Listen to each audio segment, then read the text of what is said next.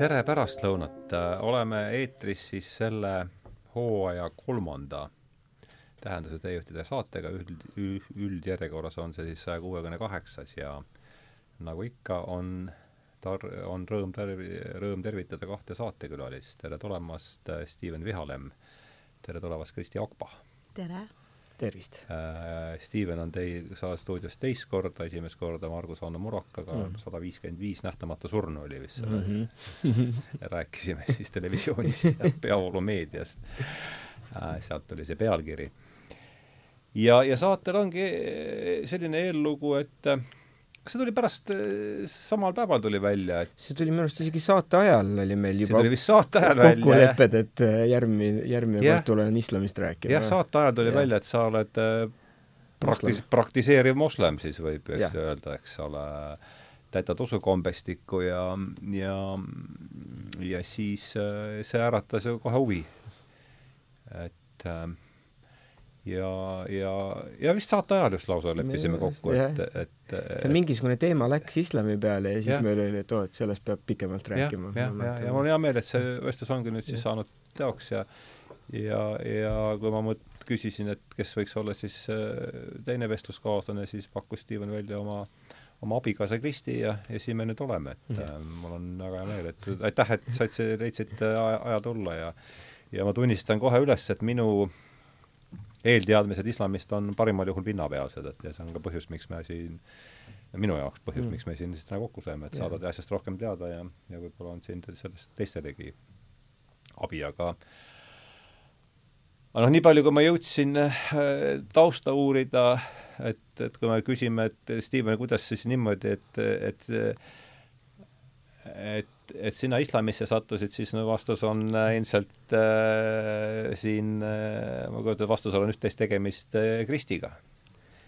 No võib tõesti öelda, et mina, et ma ei, ma ei tea, kas ta oleks sattunud islami peale, kui, kui mina ei oleks olnud äh, noh, ta oleks sattunud, aga kas ta oleks nüüd võtnud et, ette seda, et ta ei hakkaks moslemiks? Mm.. aga, aga selles suhtes see kindlasti pidi tema otsus olema, et mm, -hmm. et minu jaoks oli see kindlasti oluline äh, aga, aga see ei oleks mulle täiesti väärtusetu, kui ta teeb seda ainult minu jaoks nagu.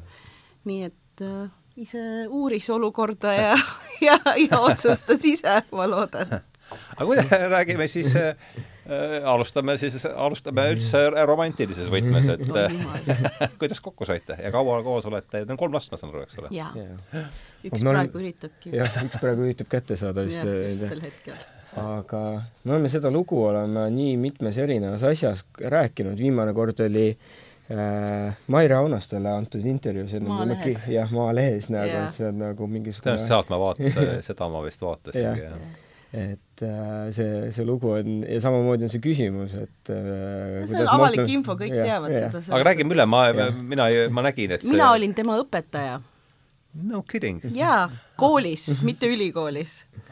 jaa, nii et noh, nii see lihtsalt on nagu selles suhtes, aga aga noh, tuleb välja, et äh, tema ema äh, ehk minu ämm on siis neliteist aastat vanem kui äh, äi, nii et tundub, et see on üldse nagu selline meie perekonnatraditsioon perekonnatraditsioon nagu ja õnneks ei ole nagu selles suhtes perekonna poolt mingit, no ütleme nii, et ega see loomulikult ei olnud normaalne nagu, aga kuidagi see, ja see ei olnud ka kooli ajal otseselt, et see oli pigem see oli peale seda, kui me saime tuttavaks nagu selles suhtes, et et esimene et, aasta, jah. aga ma olin ikka ainult õpetaja ja siis kuidagi mm. suvel hakkas ta rohkem suhtlema ja, ja siis kuidagi ja see oli siis mis aastal? kaks tuhat kolm ahhaa, ära ütle, sellest on ju möödas kaheksateist aastat. siis tehke järgi.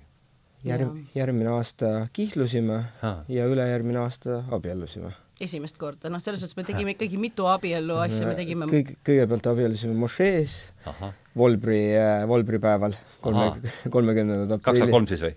kaks tuhat viis. kaks tuhat viis oli, jah.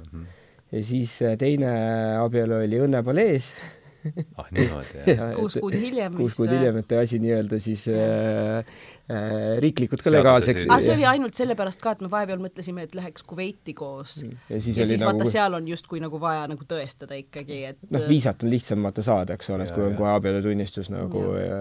leti panna nagu ja mis koolis te siis äh, ko- kohtusite? Väike-Õismäe gümnaasium. väike, mis sa, õpetasid seal, Kristi? inglise keelt. Inglise keelt, jah? Ahah, vot siis.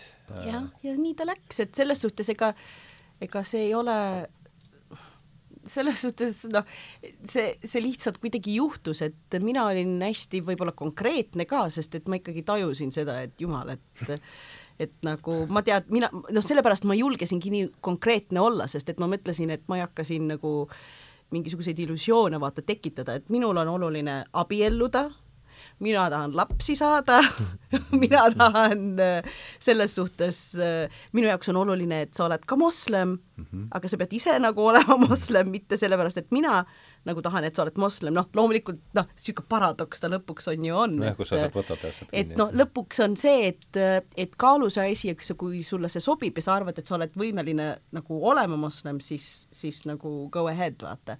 et ma arvan, et see konkreetsu, ma, ma julgesin olla konkreetne, sest et võib-olla osaliselt ma mõtlesin, et noh, et siis küll ta siis otsustab ümber ja et et noh, Kaan- küll ta siis kaob ära nagu selles jah. suhtes, aga ta oli väga Sihikindel. ta oli sihikindel, et selles suhtes ma olin väga aus al algusest peale, et seal ei olnud sellist nagu sihikindlus lõpuks ikka kuhugi viib, ma olen täheldanud. ma olen seda oma elu jooksul õppinud, et äh, Jah. isegi jah, õpingutega nagu selles suhtes, et äh, ma tegin kuus aastat bakalaureusekraadi ja neli aastat ma-, magistrikraadi. mis sa õppisid? kultuuriteadust Kultuuri- ja, ja ja, antropoloogiat Tallinna- ja, ja ahah, aga, aga ma arvan, et äh, minu jaoks äh, islam oli nagu kuidagi mm, ma ei saa öelda, et ma olen alati olnud usklik inimene, aga ma olen, mind on huvitanud usk ja, ja mingisugune kõrgem, kõrgem teadvus, midagi, midagi teispoolsust, midagi, midagi sellist, mis ei ole tavapärast nii-öelda. ja, ja islamiga ma leidsin need asjad, mis mul hakkasid noh, huvi pakkuma selles suhtes, et seal olid äh, mingisugused temaatikad, mis mulle kristluse puhul nii palju pinget ei pakkunud ja islami puhul need olid nagu kuidagi eemaldatud ja oli, oli hoopis teistsugune mõtteviis nagu mm. -hmm. et äh, aja, ajaga on need asjad kindlasti ka muutunud äh,, mis, kuidas ma nendest asjadest aru saan, aga et äh, Mhm. see on pidev niisugune õppimisprotsess olnud mm -hmm. nüüd viimased pool elu, üle poole elu. No aga enne kui me veel islami juurde Jah. läheme, et no sina sattusid väike Õis, Õismäe gümnaasiumisse tänu sellele, et sa olid koolikohuslane, eks. Jah. aga, aga Kristi, kuidas sina sattusid äh, väike Õismäe mina tulin siis, ma noh, selles suhtes, et ma ema poolt olen eestlane, isa poolt olen jeemenlane, et, et ähm, sündisin küll Eestis ja Võrus, aga nelja-aastaselt me kolisime Kuveiti ja siis ma seal kasvasin üles.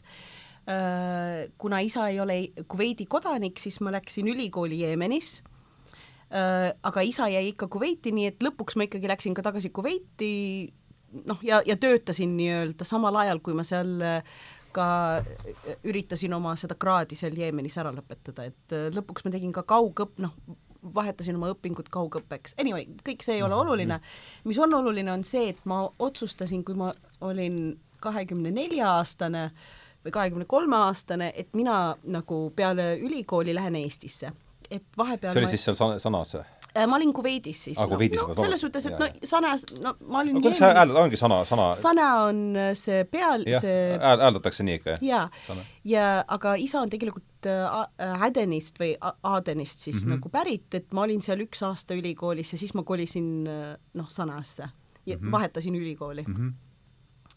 Um, ühesõnaga, et, et äh, mul oli see vahepeal lihtsalt, et ema-isa on lahutatud juba aastast äh, kaheksakümmend seitse vist. Nad ei jäänud kokku, jah? jaa, et ma olin äh, siis üheteistaastane ja, ja siis ema öö, öö, ühel hetkel tuli ka Eestisse, no ühesõnaga, et see lahutus oli ka selline kahjuks, et ei olnud kõige sõbralikum ja mina ja minu keskmine õde jäime emaga isaga. äh,, isaga, juba ma olen juba seniilne, aga ühesõnaga, et, et see kõige noorem õde mul siis sattus Eestisse Ahah. emaga koos nii, nii, kolmekesi olite siis?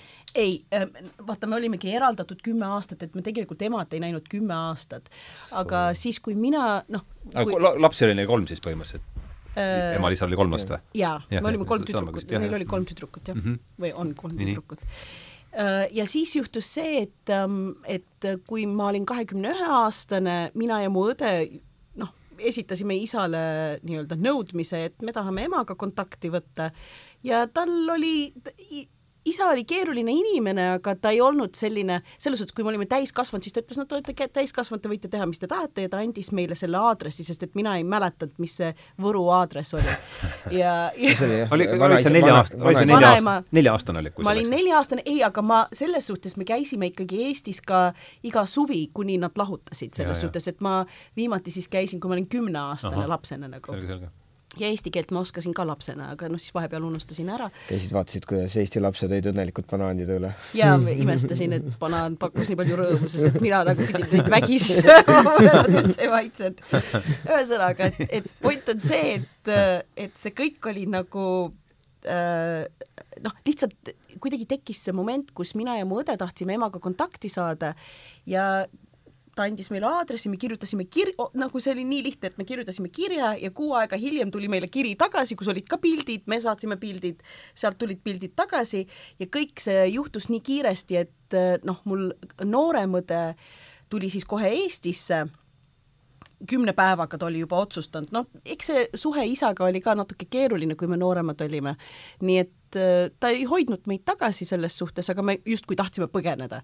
aga noh, mina olin veel Jeemenis ülikoolis, et ma, ma ütlesin, et ma tulen siis järgi ja ma tulingi Eestisse, kui ma olin kahekümne esi-, kahekümne ühe aastane Äh, noh, esimest korda üle pika aja ja siis ma olin otsustanud, et kui ma lõpetan ülikooli, et ma, ma tulen ka Eestisse elama mm -hmm.. noh, Eesti siis oli ju nii-öelda, ei olnud enam Nõukogude Liidu all, et, et see liikumine oli ka justkui nagu vabam, on ju mm. -hmm. Ja siis ma tulingi Eestisse ja sain oma passi ja ütle palun aasta veel. Äh, ma, äh, ma ei, tegelikult ma tulin Eestisse esimest korda üheksakümmend kaheksa ja siis äh, tulin veel külla siin vahepeal ja siis kolisin Eestisse kohe peale, no ütleme nii, et nüüd oktoobris saab mul kakskümmend üks aastat mm. Saab või? saab kakskümmend üks aastat täis.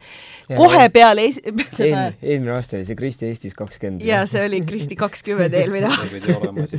kohe peale, jah, just kohe peale seda nine elevenit nii-öelda. et see on hästi nagu huvitav ka. et, et kuu aega peale seda mina nagu jõudsin Eestisse ei no jah, umbes midagi sellist oh, niimoodi, jah. et äh, aga siis äh, hakkasin tööd otsima ja tegelikult tol ajal oli päris keeruline üldse tööd Eestis saada. et äh, noh, ma arvan, et isegi täna, no võib-olla tänapäeval on ikka teistmoodi. siis aga... sa juba rääkisid keelt ei, või ma rääkisin mõelda? eesti keelt, noh, mitte nii, nagu ma praegu räägin pi, piisavalt hästi, et suhelda ma oskasin hästi, aga mm -hmm. eks mu eesti keel on ikkagi palju paremaks, paremaks nagu läinud ajaga, et noh, ma olen nagu seda arendanud noh, tõlkitöödega ja niisuguste asjadega, aga ühesõnaga, et see siis ka alguses, kui sa tulid, siis sul oli täiesti meelest ära läinud? mul oli, mul oli, ütleme nii, et kui ma hakkasin inglise keele õpetajaks, siis ma õppisin eesti keelt ka hästi palju, sest et sest et mina ütlesin, rääkisin inglise keeles ja küsisin, et oota, kuidas see eesti keeles mm -hmm. oli, aga ta jäi mulle väga kergesti meelde, sest et eesti keel oli mul nagu veres, vaata, ta ei olnud, mul ei olnud vaja õppida grammatikat, see grammatika tuli mulle iseenesest, vaata. et ma tajusin kohe, kui ma midagi valesti ka ütlesin, et see mm -hmm. ei mhm. olnud niimoodi, et lapsena õpitud asi. ja, ja see oli ikkagi otseses mõttes mu emakeel mm. -hmm. et ähm, ja siis äh, oligi hästi huvitav, et äh, alguses äh, otsisin, ma ei tea, ma ei, ma isegi ei tea, kus ma otsisin tööd, aga pigem siis, kuna ma lõpetasin ärijuhtimist, siis ma, mitte et ma kunagi oleks tahtnud ärimeheks hakata, aga ma mõtlesin, et no ma ei tea, et proovin kuskil, ma ei tea, administratiivset tööd või kuskil hotellis töötada, no niisugused mõtted olid. ja siis lõpuks, kui ma nagu üldse mingeid vastuseid ei saanud, mõtlesin, aga ma olen ju tegelikult ka ähm, Kuveidis töötasin sellises asutuses, kus ka äh, teht-, äh, tehti neid TOEFL äh, tests, noh, kõik ja, need computer-based tests, vaata. ja, ja, ja üldse nagu see haridussüsteem või noh äh,, oli niisugune koht, kus äh, üliõpilased said siis Äh, näiteks kontakte Ameerika ülikoolidega, nii et mul see haridustaust nagu justkui oli ja ma mõtlesin, mu, mu inglise keel on noh, päris hea selles suhtes, et ma üldse käisin inglisekeelses koolis mingi aeg oma äh, haridusajast, noh, ma lõpetasin küll araabiakeelses koolis, aga, aga mu inglise keel on, on päris tugev mm. -hmm. nii et ma mõtlesin, aga miks ma siis ei tee seda, mida noh, mida ma oskan, et ma siis hakkasin kandideerima inglise keele õpetajaks ja reaalselt nagu mingi pool tundi peale, peale selle CV saatmist mulle helistas äh, äh, Valve Spiridonova, kes, äh, kes jääb mulle eluks ajaks nagu väga tähtsaks inimeseks, sest et ma olin nii õnnelik selle kõne üle, et keegi nagu kutsus mind kohe nagu intervjuule ja ma läksin sinna ja, ja selles suhtes äh, ma sain selle töökoha põhimõtteliselt kohe nagu. see on juba seesama Õismäe kooli siis? just, see sama Õismäe kool, aga ma käisin seal siis ähm, sellel äh, no kevadel vaata, et, et lihtsalt nagu, et ju siis nagu, et see planeerimine vaata, et äh, ju siis nad ise planeerisid, et mida ma hakkan kõik õpetama, sest et mul mhm. oli tegelikult päris suur koormus lõpuks ka. ja kõige huvitavam on see loomulikult, et Steveni vanaema oli üldse seal äh, ka seal valve Val, valve, valvetädi valvetädi. sel, sel päeval, kui sel päeval, kui mina läksin. siis siis. Oli nagu see oli väga naljakas ka. aga äh, sana kohta räägite, kui Jeemen jäi kõrva, et sana kohta räägitakse igasugu lugusid, et vesi saab kohe otsa ja et kuidas, kas see on jälle meie no, umbes nagu, ega siin ei tea, mida siin lehest uskuda või midagi, et kas see on ei, see on, see on äh,, ei no selles suhtes kuidas äh, on, räägiks kohe, kas sa, Steven, oled käinud Jeemenis ka või? ei, ma ei ole kahjuks sa... käinud, mul Kuveidis käisid või? Äh, Kuveidis ma olen käinud ühe korra, aga Jeemenisse meil olid nagu plaanid minna ja siis tuli, äh, siis tuli noh, Araabia kevad ja hakkas ja. järjest tulema peale ja. kõik asjad ja siis lõpuks on see olukord, mis praegusel momendil on aga räägiks natuke palun, mind huvitab see ja. Jeemeni eluolu ja. natuke ja siis toome Kuveiti ka sisse, siis vaatame, kuhu me edasi läheme ja hakkame islami juurde ka jõudma, et see isla-, Jeemeni teema pakuks mulle, et niimoodi vahet, mis aasta aastatel sa elasid seal, tule, tuleta palun meelde või? ma läksin sinna esimest korda, kui ma olin äh, äh just peale lahutust, et ma olin siis kaksteist, nii et kas see oli kaheksakümmend kaheksa või kaheksakümmend üheksa mhm. umbes oli, aasta kaheksakümmend üheksa, ma ei olnud isegi veel kaksteist mm. -hmm. ja siis me olime seal kuus kuud õega ja siis, äh, ja siis me käisime Adenis Äh, vaata, see aasta kaheksakümmend kaheksa oli enne seda, kui Lõuna- ja Põhja-Jeemenist mm. sai üks Jeemen, et enne oligi Aha. Põhja- ja Lõuna-Jeemen ja isa oli siis Lõuna-Jeemenist pärit, mille tõttu ta üldse Eestisse tuli, sest et Lõuna-Jeemen oli sotsialistlik riik ja, ja kõik need sot-, noh, nii-öelda ja põhi oli teokraatlik äh, riik nagu. jah et hoopis Rohk, nagu ka, rohkem USA käpa all siis või? ei, ei, täitsa era-, täitsa niisugune Afganistani moodi või? ta oli, ta oli põhimõtteliselt küll jah, seepärast et seal oli mullade valitsus. seal oli imaam, seal oli ja. mingi tuntud ima-, noh, suur imaam, kes põhimõtteliselt Põhja-Jeemen oli täiesti kinnine riik. Äh, see tähendas olnud... seda, et ta suutis nagu ühendada enda alla siis erinevad hõimud, kes seal olid nagu, eks ja. ole, et see on nagu, see on ju oma, omaette kunsttükk, et saada ja. seal nagu erinevad ja. hõimud oma. aga Lõuna-Jeemen oli üldse ju vara, vanasti see In, äh, Inglise Inglise provins või see asumaa. jah kas ta oli äh, koloonia, koloonia või ta oli proktoraat? ei, ei, ta oli koloonia, ta oli koloonia mm. -hmm Äh, ja, ja siis isa käis isegi äh, protestimas, kui ta noor oli, ta ütleski, et ta käis, ma ei pritseldas tea tänava peal kuskil mingisugused et britid, minge tagasi koju. umbes midagi sellist, jah. no aga siis äh, kui britid lahkusid, siis tuli ju see sotsialistlik äh, valitsus ja, ja noh, ega see kuidagi parem nagu ei olnud, aga point on selles, et see infrastruktuur, mis, mis Lõuna-Jeemenis oli, oli tükk maad parem tänu sellele koloniaalsel, koloniaalvõimudele, vaata. aa, see põhja kunagi brittide võim ei ulatanud ei, ei, ja see ongi see põhi äh, Need olid niisugused metsikud kõrbehõimud siis, mulle tundub, jah äh,? mäge, mäge, mäge, mägede hõimud pigem ikkagi. ja selles Sest ongi see, see põhja mhm. territoorium on, eks ole, veel rohkem mägi. ja siiamaani äh, juba enne sõda äh, Jeemen on üks nendest riikidest, kus äh, on kolmkümmend kuus protsenti ainult urbanized, noh nagu linnastunud, et üle kuuekümne protsendi riigist on ikkagi siiani, no, no see oli enne sõda, et Aha. praegu veel sõjaga on see vähene infrastruktuur, mis seal oli, on ju paljusti hävinud, vaata. et juba siis see, see, see infrastruktuur oli väga halb. ja öö, ja lõunajeemenlased olid alati väga noh, nad, nad tun-, nad tundsid ennast palju paremini kui äh, et nad on kõrgem klass justkui paremad kui põhja, põhja äh, sest et äh, et nende jaoks nad olid nagu no mingisugused no otseses noh, no, mitte maakad, aga mägilased või midagi, noh, et, et neid, neid kutsutaksegi Mäekad. nagu ja, ja, ja neid kutsutaksegi maakad või mäekad? jaa, just nagu selles suhtes, et um, ja, ja see oligi see kõige suurem probleem, et kui me üldse vaatame seda sõda, mis seal praegu üldse toimub ja, ja kelle vahel üldse,, kes, kes seal üldse sõdivad omavahel? no see on üldse proxy war selles suhtes, et see on üldse, see on nii pikk, see, see, me võimegi Jeemenist, me võime siin juba kokku leppida, et tuleme tagasi üks päev, räägime ainult see ei ole üldse, Jeemenist see ei ole paha mõte üldse, aga ärme siis jah, praegu sellest, aga võib-olla on peaks väga- lõpetama selle lause pärast, kes kelle vahel see proxy war on siis? no see on Saudi ja Iraani vahel. Aa, šiidid ja, ja. ei ole isegi šiidid ja sunniidid, see Ahah. ongi see kõige suurem probleem, et Jeemenis on alati šiidid, sunniidid olnud. That's not the issue. The issue is Lõuna-Jeemen ja Põhja-Jeemen ja lõuna, vaata, kui neid pandi, see Taefi, ma ei tea, kas oli nüüd Taefi äh, accord või äkki ma ajan üldse midagi siin sassi, ühesõnaga, et seal mingisugune Saudide kaudu sai üldse see lepe, et Jeemen ja Põhja, Lõuna-Jeemen ja Põhja-Jeemenist tuleks see, see üks riik, vaata.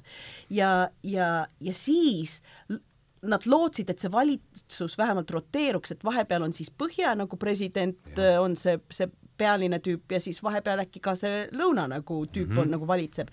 aga algusest peale oli see Ali Abdallah Saleh, kes oli siis see Jeemeni president, algusest peale, kuni teda siis tapeti peale isegi seda sõda algust, ehk siis kaks tuhat kuusteist vist või kaks tuhat seitseteist teda tapeti. kasvatas juured endale alla koheselt ja, ei Äh, kuskile. tema oli lõunast, jah? tema oli põhjast põhjast. ja, ja see oligi see asi, mis nagu lõunalasi väga nagu, et nemad on justkui nagu rohkem haritud ja kõik ja nüüd tulevad, et see on see, see, see probleem, nagu see on selle asjale ainult asja no, see, see on see, selle konflikti keerulisemaks teinud, aga üldse see toetus Iraanist ja Saudist, sellel ei ole mitte mingit pistmist mm -hmm. šiiti või sunniitidega, vaid pigem just need, need, need kaks vaata riiki, kes Põhja-lõunaga.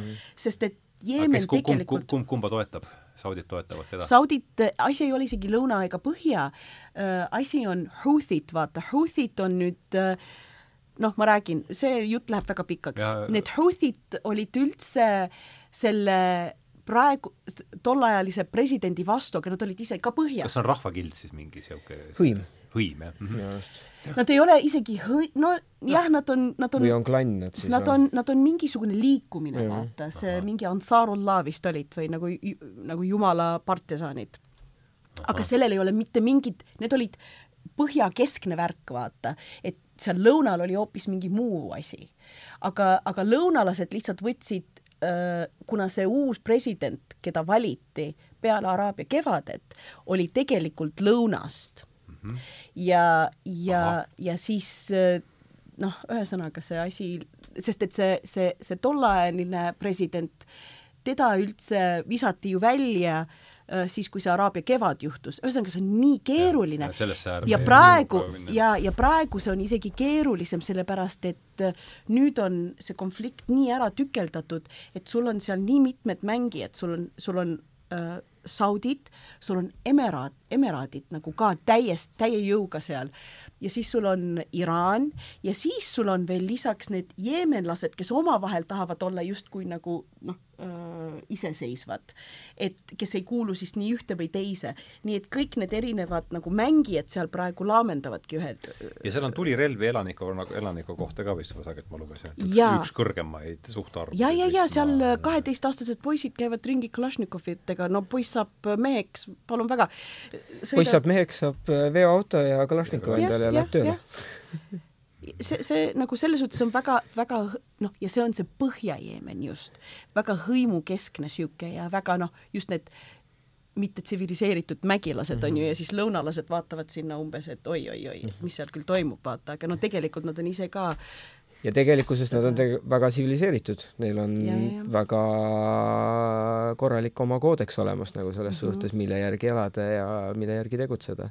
et see, see metsikuse ja tsiviliseerituse nagu äh, vastandumine Ja. tegelikkuses ei ole seal nagu isegi õige, mida kasutada, lihtsalt on Ja, ja, süsteem see- on, süsteem on midagi hoopis, hoopis teistsugust ühis, nagu ühismõõdutud jah, süsteemid. aga tegelikkuses üldse Mägi, Jeemeni mägilastel on omad need Jaa, standardid, mille järgi vaata elada. Jeemeni probleem on lihtsalt see, et, et ta on tõesti suur ja lai -hmm. ta on tõesti äh, väga tükeldatud minevikuga juba. nii et seda ühtlast olevikku praegu tuua.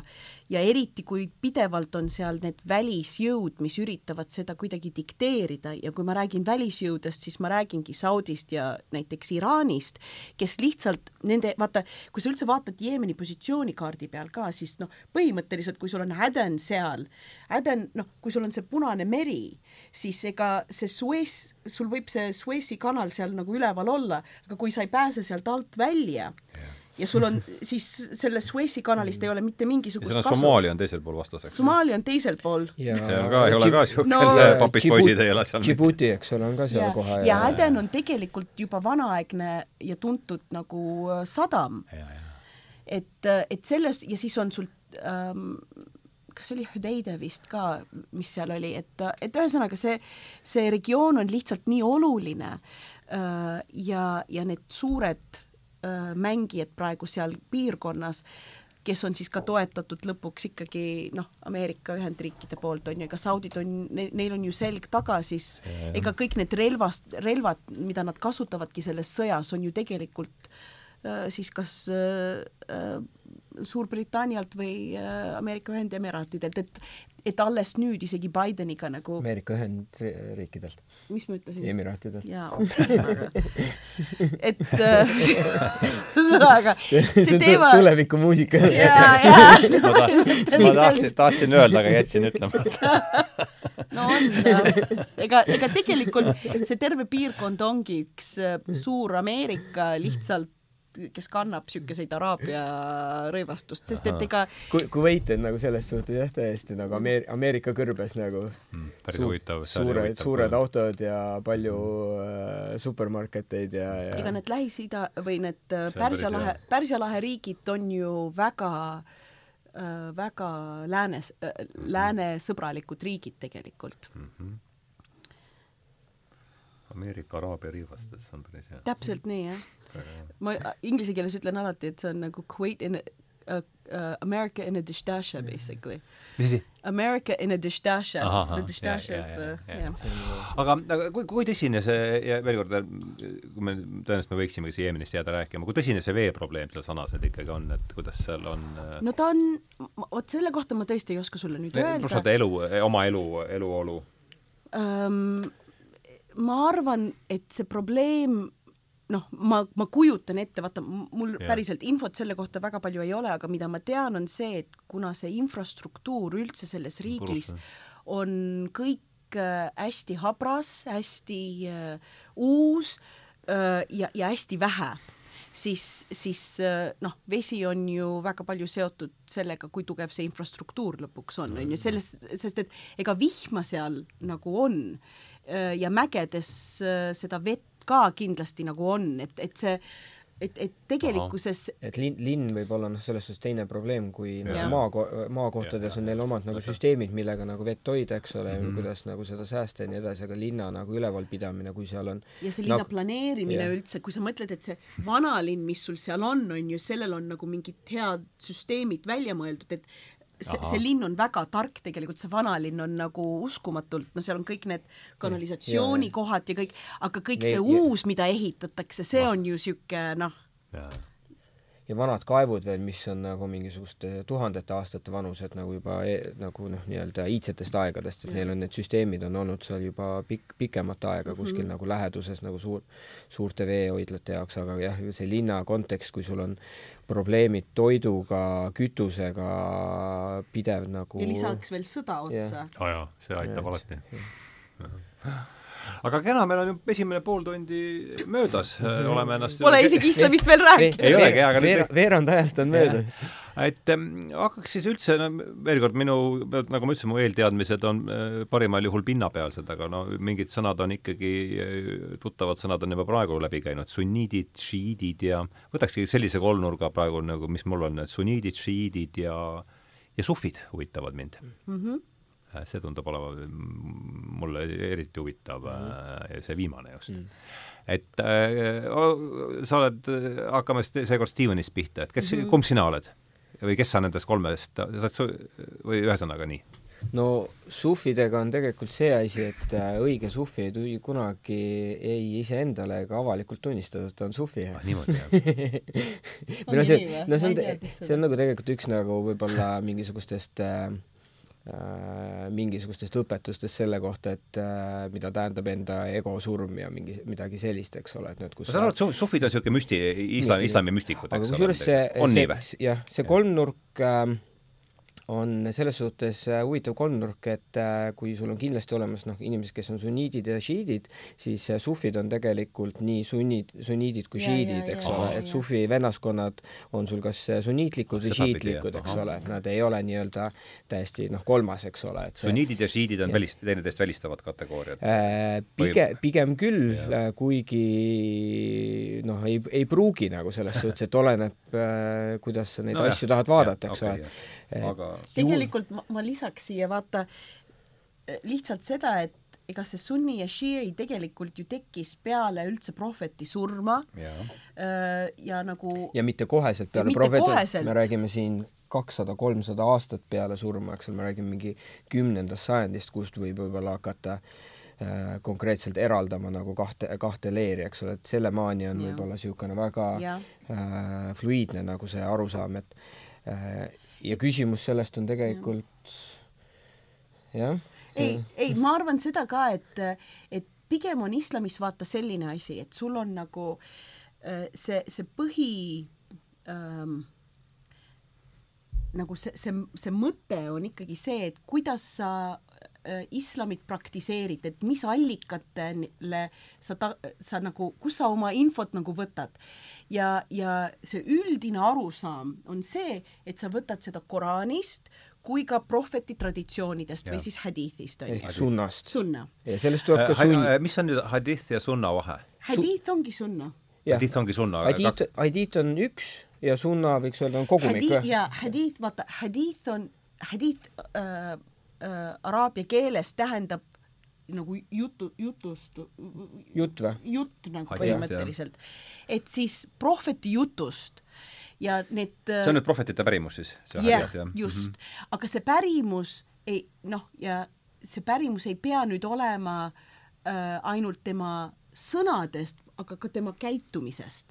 kõigest, mis on nagu temaga seoses, et seal ei saagi on, isegi eraldada midagi, et mm -hmm. see on ta tegi ala, seda või teist või kolmandat ja, ja see on just see. ja kuidas ta käitus kellegi inimesega, mis ta kellelegi ütles, äh, ütles puha, mis väikene killukene no, tema, tema nagu tegevusest, tema nagu, tema, temaga seotust on see hadith. ja sunna on nüüd mis asi?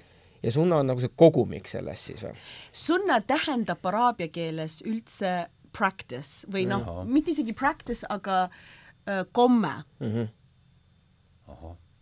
et, äh, et it's become best practice umbes mm, -hmm. nagu võiks niimoodi öelda. tähendab kommet, jah. jah, et, äh, et, äh, et siis see, need kombed, mida me siis üritame nagu jälgida, tulevad hadiithist ehk siis nendest juttudest ja nendest mm -hmm. äh, tegudest mm. -hmm ja, ja, sunna on siis see korpus, mis ta kokku võtab või? ja sunna ongi lihtsalt need kombed, on ju, kust Aha. sa neid kombeid üldse, kust mina tean, mis tema, mis, mis kombed tal olid, on ju, või mis kombeid nagu jälgida, ma, ma, ma, minu allikad on siis hadiithid, et ehk siis sunna allikad on hadiithid. ahah, on on ju? võib niimoodi öelda. võiks jah, võiks niimoodi küll seda defineerida kõike kokku mm. -hmm. aga, aga küsimus on nüüd selles, on ju, sina võid siin täiendada, sest et sa oled seda rohkem uurinud, aga, aga lihtsalt see, et need hadiithid, nüüd need ütlused, igaüks võib ju tulla ja öelda, noh, tol ajal ka umbes, et aa, mina kuulsin, et prohvet ütles seda,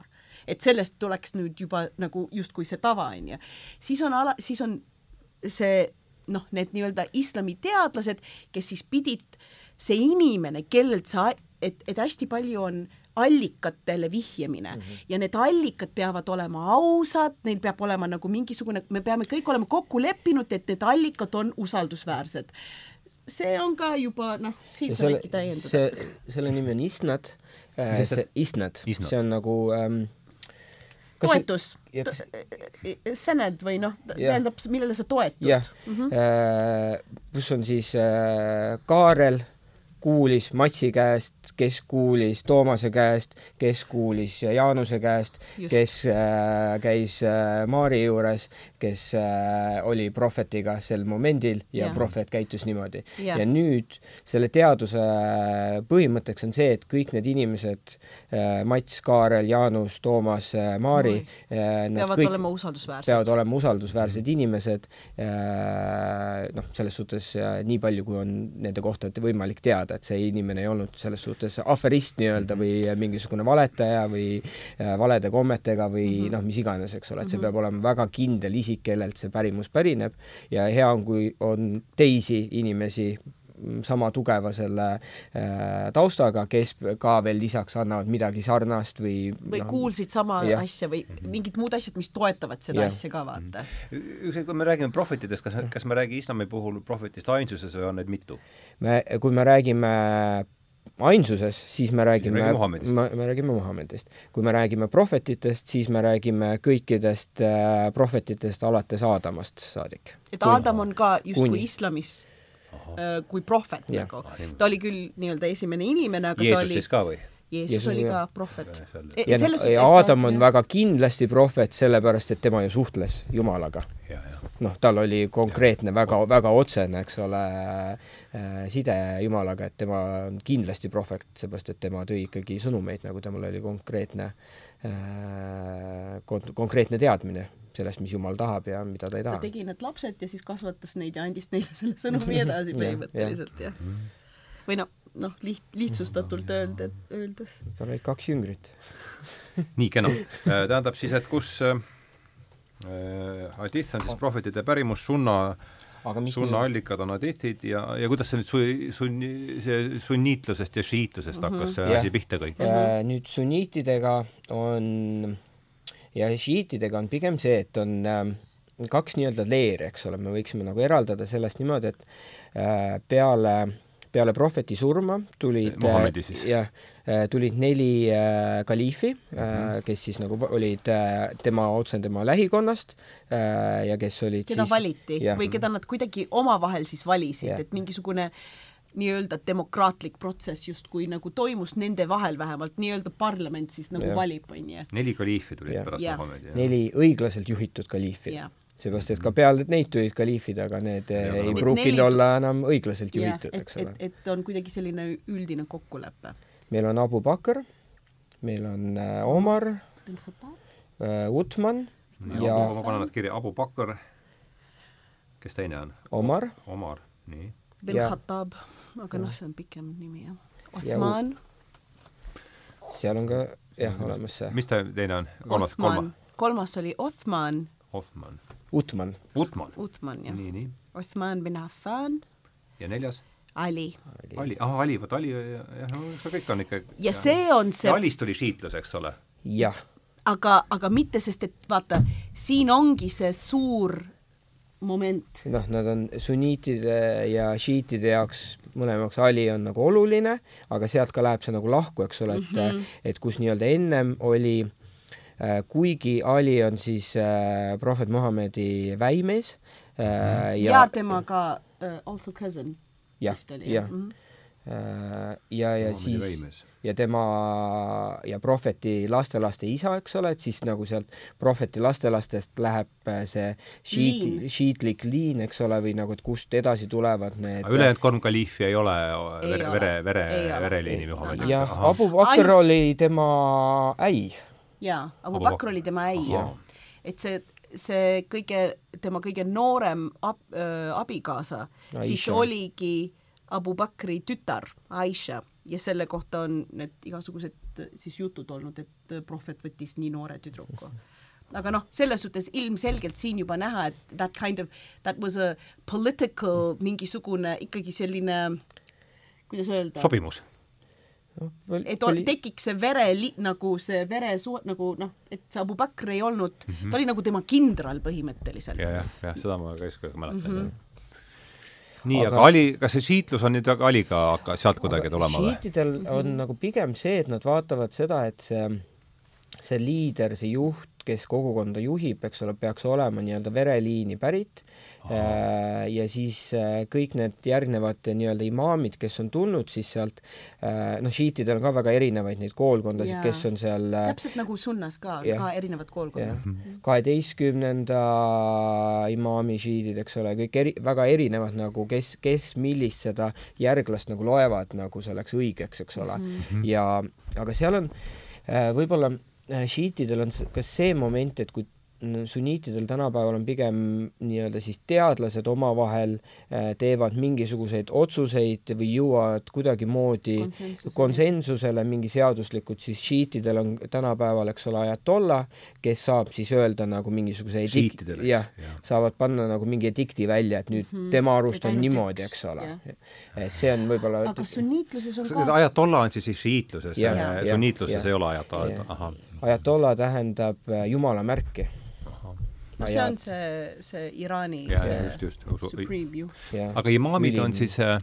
aga sunnas näiteks on sunniitidel. või sunniitidel on siis see neli äh, koolkonda, tegelikult neid oli rohkem isegi, aga need on need neli, mis on kuidagi jäänud sinna mm. äh, äh, noh, kuidas öelda, nagu kõige populaarsemaks, aga isegi tol ajal need neli omavahel ikkagi nagu mitte sõdisid, aga nad noh, erinevad selles suhtes, et äh, meil on neli koolkonda, mis mm -hmm. on ütleme need ka ära siis, jah? ultrakonservatiivsest kuni siis võib-olla nagu liberaalseni või midagi sellist ja no, kuidagi noh, e, jah, et selles tegelikult nad on ikka kõik suht konservatiivsed. jah, eks ole, noh, ultrakonservatiivne kas vahabiidid on üks nendest või? ei, ei ole, need on veel eraldi kord. see on täiesti uus. jah, jah, see on äh, nii-öelda sellest kõige konservatiivsemast tekkinud ultrakonservatiivne siis nagu liin, eks ole no.. sul on äh, Malki, Malki Shafi'i, Hambeli oota, kes veel oli? neljas oli ka.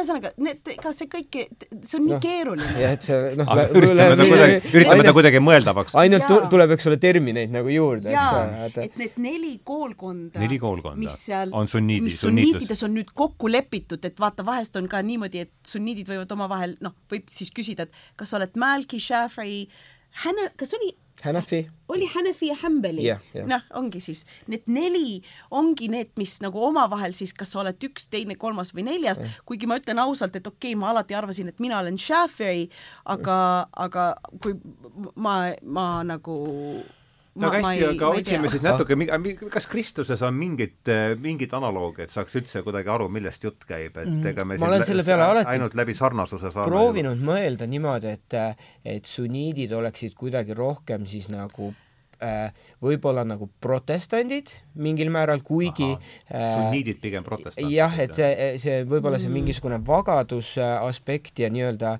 ähm, mm Äh, lihtsus või midagi sellist, eks ole, on seal nagu rohkem domineerivaks, eks ole.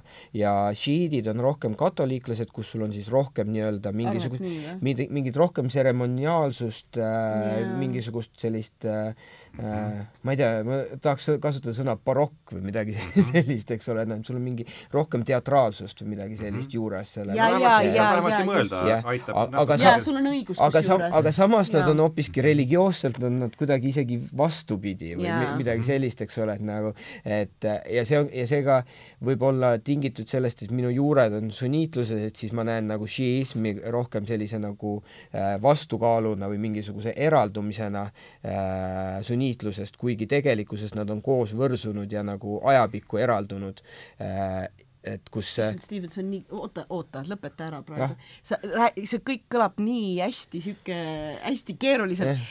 ei, praegu mina sain sellest see katoliik, katoliikluse ja, ja protestantluse, no see läbi sarnase ikkagi suudab aga, aga ma tahan öelda, mulle tundub, et siin on üks asi, mida ja. me peame kindlasti ja. mainima. Ja, ja. ja see on see põhi punkt nagu, mida me peame mainima, on just see, et kui nüüd lihtsustatult öelda, mis on see vahe, siis šiitide ja sunniitide vahel on ikkagi see, et šiidid äh, arvavad, et Äli ehk siis see viimane oleks pidanud olema kohe prohveti järgne esimese. esimene khaliifa. ehk siis vaata, me ütlesime Abu Bakr, Omar, Othman ja Ali mm, -hmm. aga, ja Ali ajal toimuski see rebellion, kus nagu need umayyadid üritasid siis Umayyadid, nagu jah ja,, aga, aga aga, aga ja lõpus ka ta, tapsid teda. ja tapsid teda ja tapsid ka tema Ali, pojad, jaa. aga Ali äh, ja see ongi see, mille pärast šiidid tegelikult vihkavad Abu Bakri, Omarit ja Uthmani.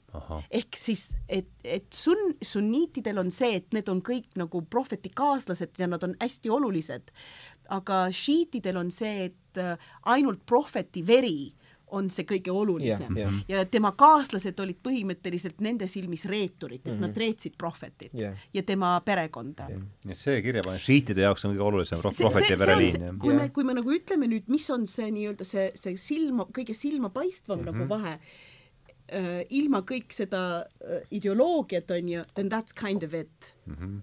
see on jah, see, see põhjapanevaks mm -hmm. tuumaks. ja sellest tulevad ka need ähm, traditsioonid siis, kus on Äh, selle Karbala lahingu mm -hmm. siis äh, mälestamine, eks ole, et kus mis nad üldse seal sai Ali, kas seal sai Ali hukka või? seal sai tema lapselaps ähm, ja millal see oli, see Karbala lahing? Hussein, Hussein. millal see oli, see Ka Karbala lahing, jah? jah. sada aastat, ei olnud sada, ei, mida ma ajan? see oli, ma jään selle aastaarvu jään nagu võlgu praegusel momendil, see oli, see ei olnud sada aastat, see oli kindlasti vähem. vähem jah, ikka vähem. aga, sada aastat siis pärast äh, prohvet? ei, ei, ei, ei, see ei viis, ole sada. ütleme viiskümmend võib-olla maksimum minu arust, seepärast et seal olid ikkagi inimesed elus veel, kes olid prohveti ajal, prohveti ajal ja, nagu ja. olid äh, olemas aga nad sellepärast praegu ka, kui sa oled, oled näinud võib-olla neid, kus nad nagu on äh, veritsevate peadega ja, ja või, ennast löövad, vaata, šiitide puhul, ma ei tea, kas sa oled seda näinud, aga see on nagu väga tuntud, vaata eriti kui sa oled ka Liibanonis ja. või kuskil niisugustes kohtades, kus need äh, šiidid nagu just praegu oligi, kusjuures see äh, augustikuus vist Ashura oli Ashura tähistamine, ehk siis äh, see oli si-, see vana nagu aasta ja. oli jah, et ähm,, et äh, siis vaata, tulevad need mehed välja ja siis, kui nad nagu ennast löövad ja seal on erinevaid noh, variante, eks ole, et sa kas sa flagel-, flagellandid, eks ole. sellepärast ma ütlengi, et ta on veits nagu katoliiklusega nagu ja. rohkem nagu, et protestant ei teeks niisugust asja, aga katoliiklastel on ka nagu selliseid nagu nii-öelda noh, liha nagu niisugune hävitamine siis võiks öelda või materiaalse poole aga nagu see on ja, ja see on see, et nad uh, they mourn him till yeah. this day, et nad nagu teda uh, kuidas see sõna on, teda leinavad, leinavad, just. Karbala on siis see lahing, kus šiidid said lüüa äh, aga nad ei olnud siis šiidid ja sunniidid, see ei olnud see. Ali pooldajad said. see oli, see oli siis Ali, kes oli see haliifa ja siis olid need umayyadid, kes tahtsid äh, äh, ka võimule tõusta. jah, ja nad olid, umajaadid olid tegelikult hõim, eks ole, põhimõtteliselt. umajaadid, jah ja. ja.. Nad võtsid see kalifaadi siis ja. enda ja, kätte, eks ole. aga siis ja, oli ja, ka head umajaadi khaliif, khaliifat nagu, aga point aga on see aga sellest ja. ajast saadik on ja. olnud nii-öelda see eraldumine on toimunud, et kus siis nii-öelda sunniidid võiksid öel-, võiks öelda, et nad on nagu mm. keskvõimu poolt ja šiidid on rohkem siis nii-öelda keskvõimu vastased, eks ole, et seal on ka nagu erinevad kantsid, kus, kus siis on need, äh, need alad olnud, kus on inimesed siis keskvõimu vastased või keskvõimu pooldavad, eks ole. et seal on ka nagu niisugune see poliitiline mõõde alati juures olnud mm. -hmm. nii et see küsimus, et kumb sa oled, ei ole üldse keerul-, ei ole üldse ei, kerge ei nagu vastata, vastata.. et kindlasti meie nagu juured on sunniitlikud, seepärast et äh, sunniitlus on nii-öelda see mainstream Just. äh, islam praegusel momendil, mis ja. on nagu Saudi Araabia poolt nagu pooldatud, aga ma ütlen, et aja, ajapikku ma näen seda äh, see Karbala lahing räägib minu jaoks nagu noh, väga, väga, oluline väga sügavalt nagu ja, ja see, see no., see peaks mõjutama tegelikult kõiki moslemeid selles suhtes, et see, mis toimus, oli mitte ainult šiitide jaoks nagu katastroof, aga noh, kõikidele tegelikkuses no,. et selles suhtes, et prohveti perekond on, on püha nagu lõppkokkuvõttes ikkagi, see vere, see vereliin on nagu oluline. point ei ole isegi see, et see oli püha, aga point on selles, et ebaõiglus toimus. see oli ebaõiglus, see oli nagu see point aga ma lihtsalt ütlengi seda, et praegusel momendil ma enam ei saaks öelda, ma, ma ei tahaks endale selle label'i anda, et kas ma olen sunni või šiiei, vaata mm, -hmm. sest et tegelikult mulle tundub, et need asjad on üldse tulnudki nagu pärastpoole, vaata need, need, need, need sildid. ja ma olen teatud nagu sõbrannadega ka seda asja arutanud, et on näiteks selline liikumine nagu Koraani mm, -hmm. mis tähendabki seda Kor, et koranistid, koranistid, kes siis üldse ütlevad, et okei okay,, sul on hadith või see sunna mm -hmm. ja sul on Koraan, nii-öelda Jumala siis raamat, on ju. et, et mil-, et kui tavaliselt moslemid või sunnid siis ütlevad, et me peame mõlemat jälgima, siis Koraani ütleb, et mina seda hadiiti väga ei usaldaks, sest et lõpuks on ikkagi inimese, vaata mm, -hmm. see legitiimsus Koraanil tuleb sellest, et sa usud, et see on Jumala sõna mm. -hmm. nii et kuidas sa no, saad nagu, usaldada jah. seda, mis on nii-öelda lõpuks inimfaktor mida, on mida seal Maari sees. rääkis Toomasele, mida no, Toomas see on nagu, nagu reformatsiooni iivaal ju see, et lähme piibli juurde tagasi jätame kogu selle muu pärimuse kõrvale, eks, et see tundub olevat kõikides et nüüd need koranistid võiks öelda, Mm. need protestandid nagu põhimõtteliselt, eks ole. oota, aga millal see koranistide liikumine tekkis? see, see on nüüd Nagu- nagu, ütleme, et läänemaailmas on ta põhimõtteliselt selline uuem liikumine, ma ei ole uurinud, kui palju ta on, noh, kindlasti kõikidel äh, asjadel on olemas mingisugune näide ajaloost, eks ole, et äh, et millal ta siis nii-öelda Araabia kultuuri kontekstis on ka olnud äh, või kelle, kelle käsitluses ta on. kindlasti seal on mingisuguseid õpetlasi, kes on ka ju- juba vanemal ajal selle, selle peale nagu mõelnud. Aga ta on suhteliselt uuem jah, liikumine, mis siis äh, veits nagu heidab kõrvale, sest seal on ka nagu selliseid noh, hadihte, mida äh, seal ongi, kuna see, see see kogum on nii suur, me räägime mingisugusest äh, ütleme näiteks äh, kogumikust, kus on kuus tuhat, eks ole, hadihti äh, ja see on, ja see on veel nii-öelda siis äh, noh, kokku pandud äh,, sinna ei ole nagu kõike arvatud sisse, et seal on hästi palju ka mingisuguseid, mis on välja jäetud või siis nagu ei ole äh, soosingus just selle õpetlase poolt, eks ole, et seal on äh, neid hadihte, millega nii-öelda mängida ja ennast õigustada, eks ole, et neid on nii palju, et siis no iga küll- asi ju bürokratiseerub ja, jah. ja mattub sellesse, Jah. sellesse tohutusse reeglite rägastikku, ma kujutan aga, ette, aga kas ma võin, vabandust ma, ma jõin nüüd kohvi ja vett ja mul on vaja seda, vetsu aga minna. absoluutselt. ma võin minna. ja, ja mine mine siit koridori trepist, trepist edasi äh, ja lõppu, lõppu sinna välja, aga tule tagasi, eks. nii, kuule, aga räägi sellest, et ähm, Steven, kui me nüüd jääme siia kahekesi, et aa, kuidas, kuidas sobi-, sobituvad sellesse skeemi nüüd ikkagi sufid?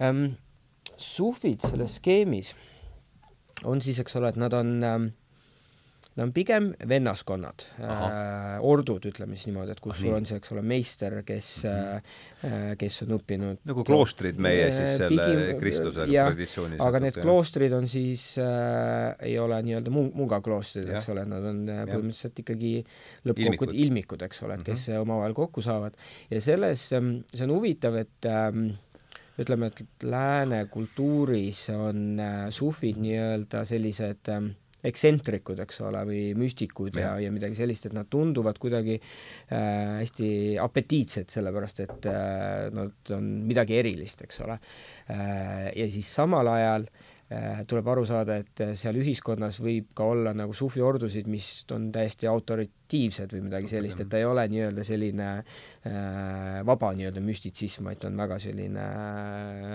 konkreetne ja ja hierarhiline ja, ja noh, selles suhtes, et sa pead ikkagi astuma sinna ja alguses olema teepoiss ja, ja käsitav ja, ja nii edasi, kuni sa lõpuks siis oma, vastavalt oma spirituaalsele võimekusele jõuad kuskile edasi, eks ole, et ähm, ja sufiste on tõesti noh, neid on nii äh, nii sunniitliku kui sufistliku poole pealt kui ka inimesi, kes siis nii-öelda käivad äh, erinevate vahet äh,, võivad käia ka noh, õppimas äh, erineva koolkondade vahel, eks ole, et on äh, rändsufisid ja ja võib-olla meile ongi hästi palju tuttavad just sellised rändsufid äh,, poeedid Mhm. äh, ja nii edasi, kes on võib-olla sellised ähm, koloriitsemad ühiskonnategelased, aga samas on ka neid hästi palju selliseid äh, äh, jah, rahulikumaid sufisid. Aga kust see traditsioon alguse saab? ähm, ma olen, nii palju kui ma olen uurinud, siis mulle tundub, et enamus sufistlikke ordusid äh, loevad ennast ikkagi prohvetist alguse saanuks nii-öelda, et see, see sufismi see kokkutulemine ja ühiselt palvetamine ja tegutsemine äh, näib olevat ikkagi nagu prohveti äh,, osa nende jaoks nagu prohveti pärimusest, et et see, see väga sügav äh, usklik praktiseerimine, kus siis äh, öö läbi palvetatakse ja, ja tehakse erinevaid usurituaale, et see nende jaoks äh, ta pärineb ikkagi prohvetist, et seal ei ole nii-öelda mingisugust teist tegelast, kes oleks selle alguse pannud mm. -hmm et noh, muidugi iga nagu sufi ordu loeb ennast kuskilt mingisugusest teisest sufi ordust pärinevaks, aga see nii-öelda see juur peaks ikkagi lõppkokkuvõttes olema prohvetist endast see vennaskond on siin see jah. aga mis see Seepärast, et sõna me mis see sõna ise tähendab üldse? sufi jah, ähm,.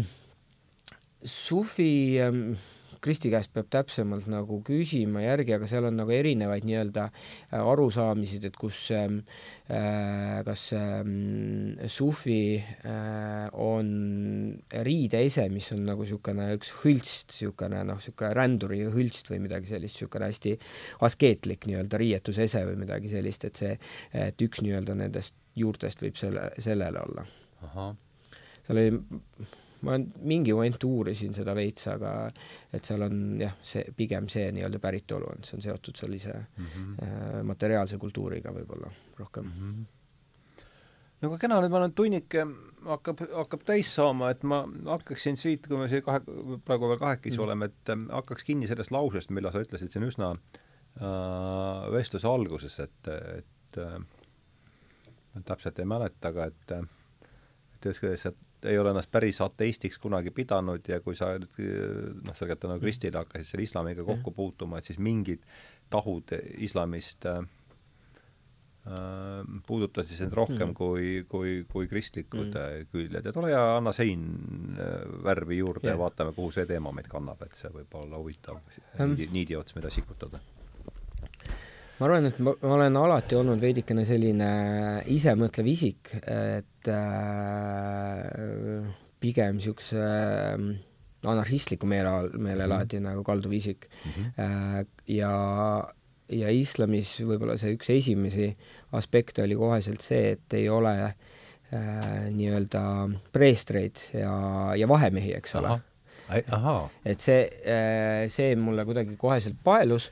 islamis ei ole preestreid, anna si-, aga nagu selles suhtes loomulikult äh, on nii-öelda noh, vahemehed, eks ole, et sul on äh, imaam, kes mm -hmm. juhib palvust, sul on äh, kutba pidaja, kes siis nagu peab seda reedlast jutlust äh,, sul on äh, õpetlased ja filosoofid ja haritlased äh,, kes äh, korrastavad sinu jaoks seda kaanonit ja, ja mõtteviisi, kuidas seda näha, eks ole, et et sul alati on need vahemehed äh,, aga ideeliselt sul ei ole neid vaja. praktikas Mhm. sul ei ole vaja igapäevases toimimises, sul ei ole vaja vahemeest, eks ole, et seal äh, ma olen, ma olen selle peale hästi pikalt nagu mõelnud, kuidas seda ja ma mäletan ühes podcastis, kus minu jaoks nagu küsiti, et mis see, see äh, huvitav asi on ja ma ei osanud seda see moment öelda ja kui ma sealt välja astusin, siis mul tuli äh, meelde see sõna, see on iga mehe õigus iga mehe õigus Jumala juurde, eks ole, et noh, et kui meil on nagu iga mehe õigus metsa pääsemiseks või mm -hmm. mere äärde pääsemiseks, vee äärde pääsemiseks, siis mm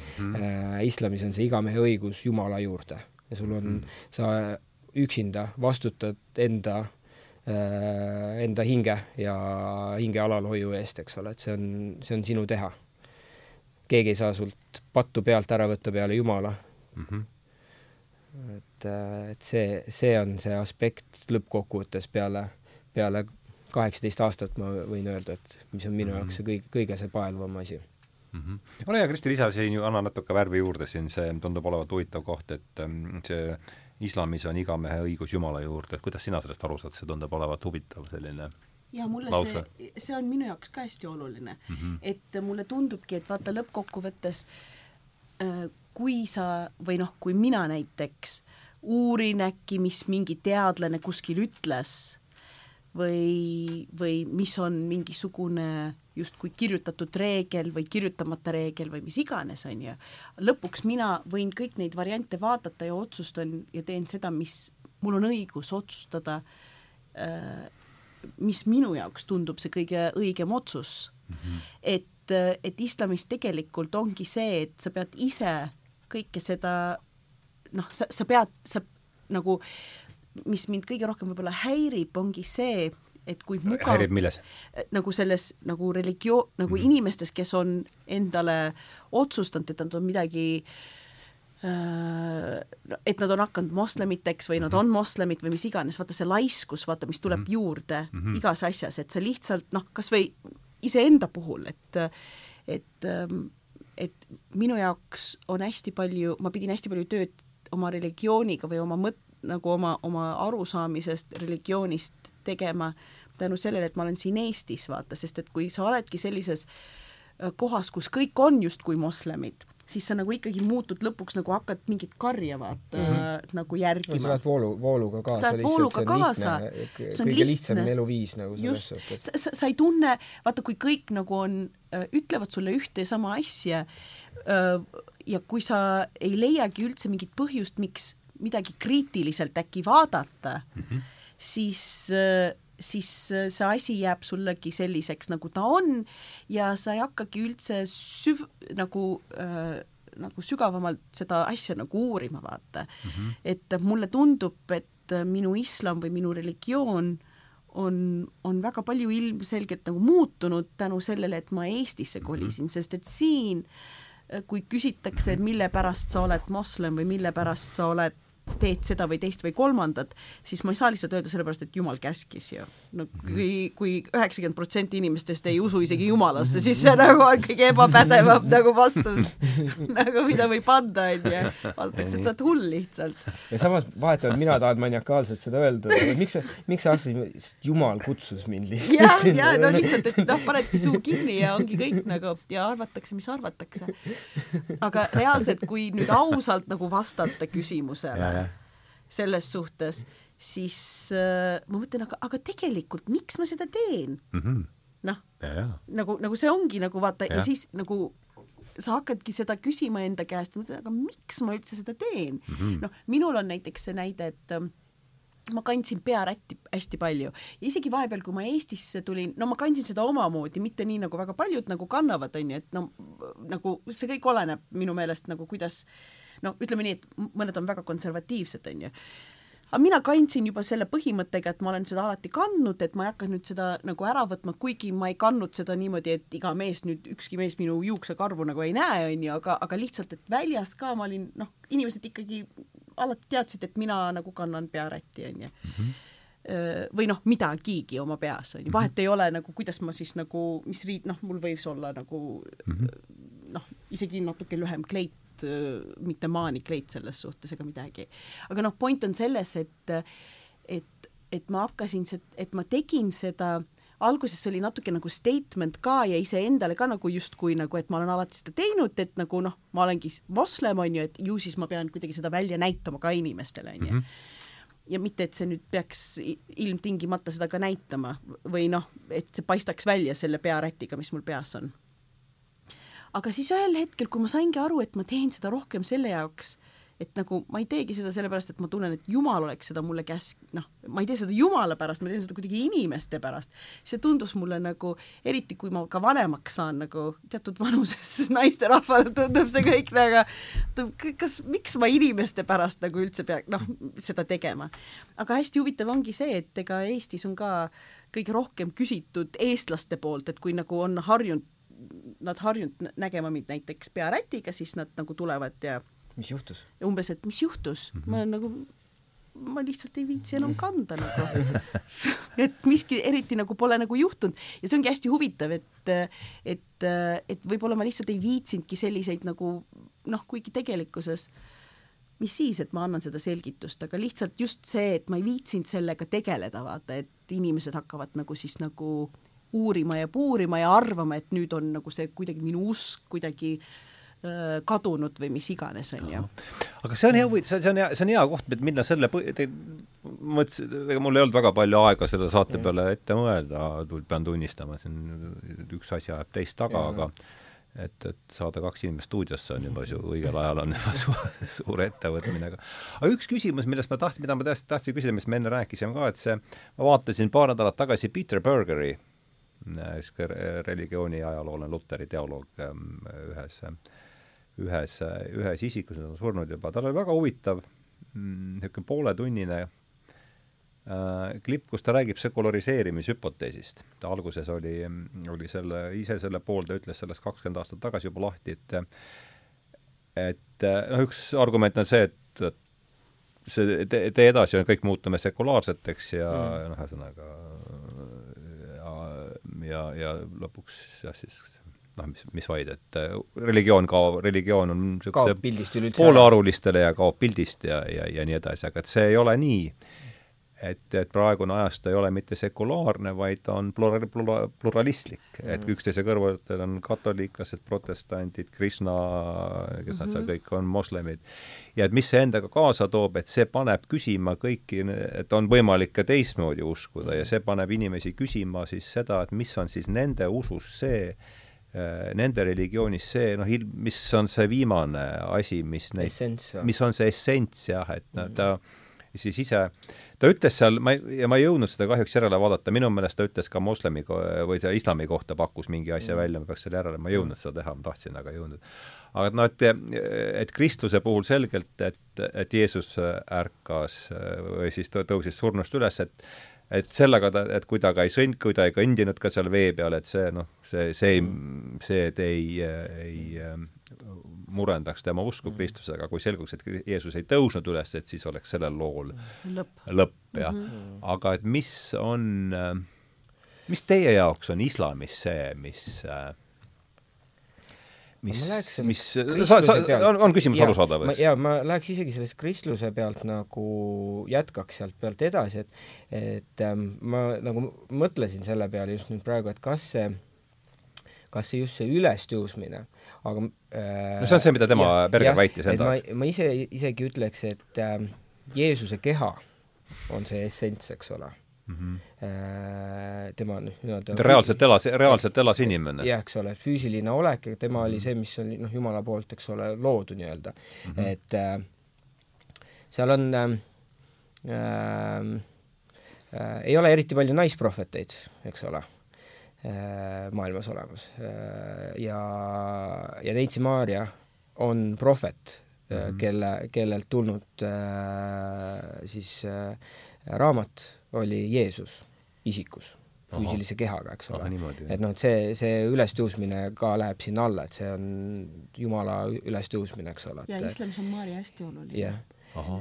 et äh, terve peatükk Koraanis on, või noh, terve suura on siis nagu tema nimeline tegelikult huvitav mm. -hmm. aga noh, siin iga inimene, eks ole, võib, võib ise seda välja pakkuda, et kindlasti mi-, minu see mõte ei ole võib-olla ainuõige, ainuõige, aga minu, minu jaoks võib-olla mm, äh, prohvet, eks ole, Muhamed oli ka füüsilisest äh, reaalselt elav inimene. füüsiliselt äh, olev inimene ja tema äh, nii-öelda see essents on siis, eks ole, tegelikult Koraan, see sõnum, mida tema tõi see -hmm. see sõna on see tema, tema essents mm. -hmm. et ilma ja, ja noh, lõppkokkuvõttes ikkagi ähm, kõikide religioonide juures on oluliseks see prohvet eks ole, noh, kristluse juures äh, see prohvet on äh, Jeesus, keda krist-, kes kristlaste silmis oli, eks ole, siis äh, Jumala poeg, moslemite silmis ta oli prohvet, oli surelik inimene, eks ole, mm -hmm. et siin tulevad need erinevused, aga lõppkokkuvõttes kõikidel jah, on need omad prohvetid kes on need kõige olulisemad minu silmis, et see Vaata, ilma, ilma nende in-, isikuteta ei oleks neid mm -hmm. nii-öelda religioone, mis siis nagu eralduksid, ütleme niimoodi. vaata minu, minul, mina olen selle peale mõelnud, ma nagu nüüd sain su küsimusest ka paremini nagu aru, et äh, minu jaoks äh, on just see, et see prohvet tegelikult ongi ainult sõnumitooja mm. -hmm et jah, see sõnumitooja on oluline, aga ta ei ole, aga see sõnum on see, see mõte mm. -hmm. Mm -hmm. et, et vahet ei ole, kes seda sõnumit lõpuks nagu ka ei tooks mm. -hmm. ja, ja mis mind on hästi palju vaevanud, on see, äh, kui ma olen noh, Koraani lugenud, vaata ma loen teda araabia keeles mm -hmm. ja hästi palju on, on seal mainitud, kuidas kõik prohvetid olid moslemid. kõik olid moslemid ja või noh, kuidagi niimoodi on see nagu sõnum välja tulnud. ja kui ma hakkasin nagu alguses, ma olin kuidagi nii kinni sellest sõnast moslem, et noh, justkui identiteet. ja siis mulle jõudis lõpuks kohale, kui ma lihtsalt mõtlesin, et see sõna moslem araabia keeles tähendabki allu, nagu inimene, kes allub, allub Jumala tahele.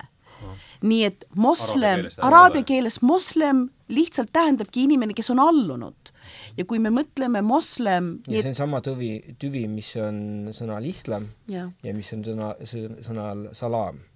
mis ei, tähendab rahu. no aga vaata, see salam on ka nagu teine asi, vaata, et ma va-, oota, las ma lõp- no. lõpetan oma selle pointi nüüd ära, sest et ma nagu, ma, see on see, miks ma tunnen, et minu jaoks islam nagu töötab on sellepärast, et see mõte ei ole selles, et mind, et, et mind näiteks häirib see, et sa oled muhammedlane näiteks või muhammedlane, vaata mm.. et see kuidagi tundub nagu, point ei ole ju üldse Muhammedis nagu, tema, ta, ta oli oluline, ta oli, võib isegi öelda püha mm, -hmm. aga, aga ta oli püha sellepärast, selle sõnumi tõttu, mitte sõnum ei olnud püha Muhammedi tõttu mm. -hmm. Muhammed oli püha sõnumi tõttu, mitte täpselt. sõnum. ja see sõ-, ja, ja see sõnum äh, on üks ja sama universaalne sõnum, mis on tulnud siis Aadamast algusest. Ja see on see, et sa allud Jumala tahele. ja see ongi see sõnum. Ja nii, ja nii lihtne see ongi. Ja, ja, ja, ja, ja see mõte minu jaoks siis tähendabki seda, et kõikide religioonide nagu see mõte on tegelikult üks ja sama, et sa allud selle suuremale jõule.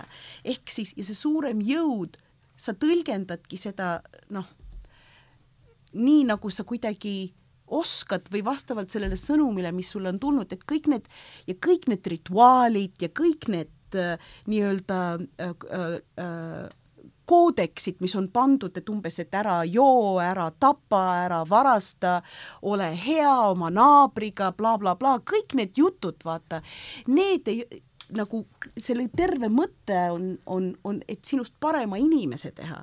noh, kõik need asjad, see, et sa paastud, see, et sa palvetad, see, et sa, et sa nagu käitud nagu hea inimene mhm. ja et sa mõtled nagu hea inimene ja see, et sa oled noh, see, et noh, kui öeldakse, et naine peab ennast katma, siis see mõte ei ole see, et naine äh, on nagu kuidagi vähem kui mees, aga võib-olla ongi puhtalt see, et, et see vagadus, vaata, et see ei tähenda seda, et mees ei peaks ka nagu vagadust praktiseerima. see, et järsku meestel on õigus teha ükskõik mida tahavad ja naised on need, kes peavad olema kuskil nagu nelja seina vahel mm -hmm., noh, vaata, see ongi nagu muteerunud lihtsalt niisuguseks koledaks asjaks, aga selle asja nagu tuum, tuum on hoopis, on, on kadunud. selles suhtes kõige lihtsam asi, mida mees võib teha, on see, et ta kasvatab endale habeme ja kõige lihtsam asi, mida naine võib teha, on see, et ta katab oma pea, vaata. aga, aga kas see on mind paremaks inimeseks teinud, see on see küsimus. no igavese küsimus. ja, ja, ja, ja, ja point ongi see, et kui kõik need asjad, mida me teeme ja millele me nagu nagu pühendame mingisuguse energia, lõpuks meid sisemalt paremaks ei tee, siis selle sõnumi mõte on mõttetu ju. ja, ja see on see, mis mind nagu lõpuks nagu, ma olen nagu, ma olen nagu selle, selleni jõudnud ja jumal teab, kas ma muudan veel oma meelt nagu elus või mitte, sest et noh, e-, muutus on nagu ka nagu osa sellest kõigest. aga ma olen lihtsalt, see on mulle nagu mingisuguse rahu andnud, et see ei ole minu töö otsustada, milline sõnum on õige või vale, aga see, aga minu jaoks islam ongi täpselt see, mis ta araabia keeles on, ta tähendabki allumine ju, mhm. Jumala tahele ja mina pean lihtsalt otsustama, kuidas see allumine Jumala tahele nagu äh, nagu, nagu mis vormi ta võtab tõesti ja see tahe lõpuks on ju ikkagi headus ja see, et inimesed oskaksid oma parimat elu elada. nojah, see on ikka seesama mõte, mis siin on, et äh, Jumala kartus on tarkuse algus või mis on niisugune, mis ta on, Nietzsche või? või ju seda on öelnud paljud enne teda ja pärast seda.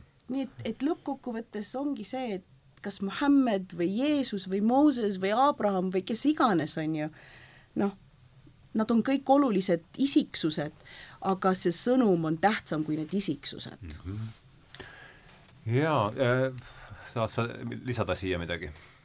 mina isiklikult tegelikult muhameedlane on päris huvitav tegelikult sõna. Stevenile meeldib siukesed asjad. ei, ma ei, ma ei tea, mis, mis asi see mul on, aga ma olen, ma olen hästi palju nagu selles suhtes mõelnud just sellise nagu noh, ühtlustamise peale kus siis nii-öelda toimub nii-öelda see äh, arusaamine sellest nagu sellest äh,, sellest ühtsest äh, headuse arusaamisest või midagi sellist, aga samal ajal mulle ka hästi palju meeldib see erinevus või see erinemine Äh, mis hakkab toimuma ja kuidas inimesed äh, just nagu noh, valivad nii-öelda ühe inimese ja teise inimese ja ja just vaatlevad seda inimest või midagi sellist, et see, see religiooni äh, äh, see seotus maise, maise olukorraga, et see on noh, selles suhtes see huvitav, see, see viib selle, sellesse nagu erinevasse sellesse jaa, aga ma ei ütlegi, et nad ja ei see, ole olulised. ja nii palju erinevaid, eks ole, tegelasi, kes omavahel kogu aeg võistlevad ja see on nagu see mingisugune noh, dialoog nii-öelda nende kõikide nende Jaa, prohvetite vahel dialoog on hea sõna, aga point on selles, et kui see muutub vaata vaidluseks, kui see muutub veriliseks vaidluseks, et see ongi see mõte, vaata, et noh, mis mind nagu segabki Mm. et kui when it becomes a conf- nagu, nagu a Mm. conflict Mm. vaata, tegelikkuses siin võibki olla see dialoog, on ju, ja need viisid on nagu kuidagi noh, no mu- loomulikult selles suhtes inimesed lähevad nagu sellesse äärmusesse tihtilugu, jah, et kui sa kiindud mingist väga konkreetsest aga mõtte jaoks nagu selles suhtes enda nagu mõtte jaoks see on ikka see eba, ebajumalasse kiindumine, mis tõmbab tõenäoliselt ja see on hästi huvitav asi ka, seal on üks lause näiteks, mis need, nendel, vaata kui kõige suurem hirm, vaata kui prohvet Muhamed siis nagu suri mm, -hmm. siis see kõige suurem hirm kõikidel noh, tema järglastel oligi see, et kui tema nüüd sureb, tema oli see asi, mis üht, mis nagu hoidis seda religiooni elusana no. inimesed nagu koondusid tema all, et oli väga suur oht, et religioon lihtsalt hajub ja kõik läheb nagu vanaviisi edasi. siis see Abu Bakr selle tõttu, see esimene haliif, tuli välja ja ütleski sellise lause. kusjuures Aga- seal, seal on ka variante, et Fatima või Aisha või Fatima või kes iganes. Fatima oli ta tütar või? jah noh, siin on Ja nagu Muhamedi tütar, eks? kaks koolkonda, kes ütlevad, see mees tuli ja see ja, naine tuli. et vahet tegelikult ei ole, kes lõpuks tuli, aga tuldi välja niisuguse, võib öelda poliitilise statement'i, statement'iga nagu. ja, ja see on, mis minu jaoks on Oota, hästi mis see- see oluline olnud ja see oli see, et uh, those of you who worship, teie, kes uskusite Muhammedisse mm, -hmm. Muhammed on, On surnud, surnud. Teie, kes uskusite, kes usute Jumalasse, Jumal on elus ja ei sure. et point oli see, et see, et Muhamed on huvitav. surnud, see see sõnum on edastatud ja see asi peaks edasi liikuma vaatamata seda ütles siis Abu. Bakr või Fatima või No, või üks nende siis nad olid ühes äh, mestis.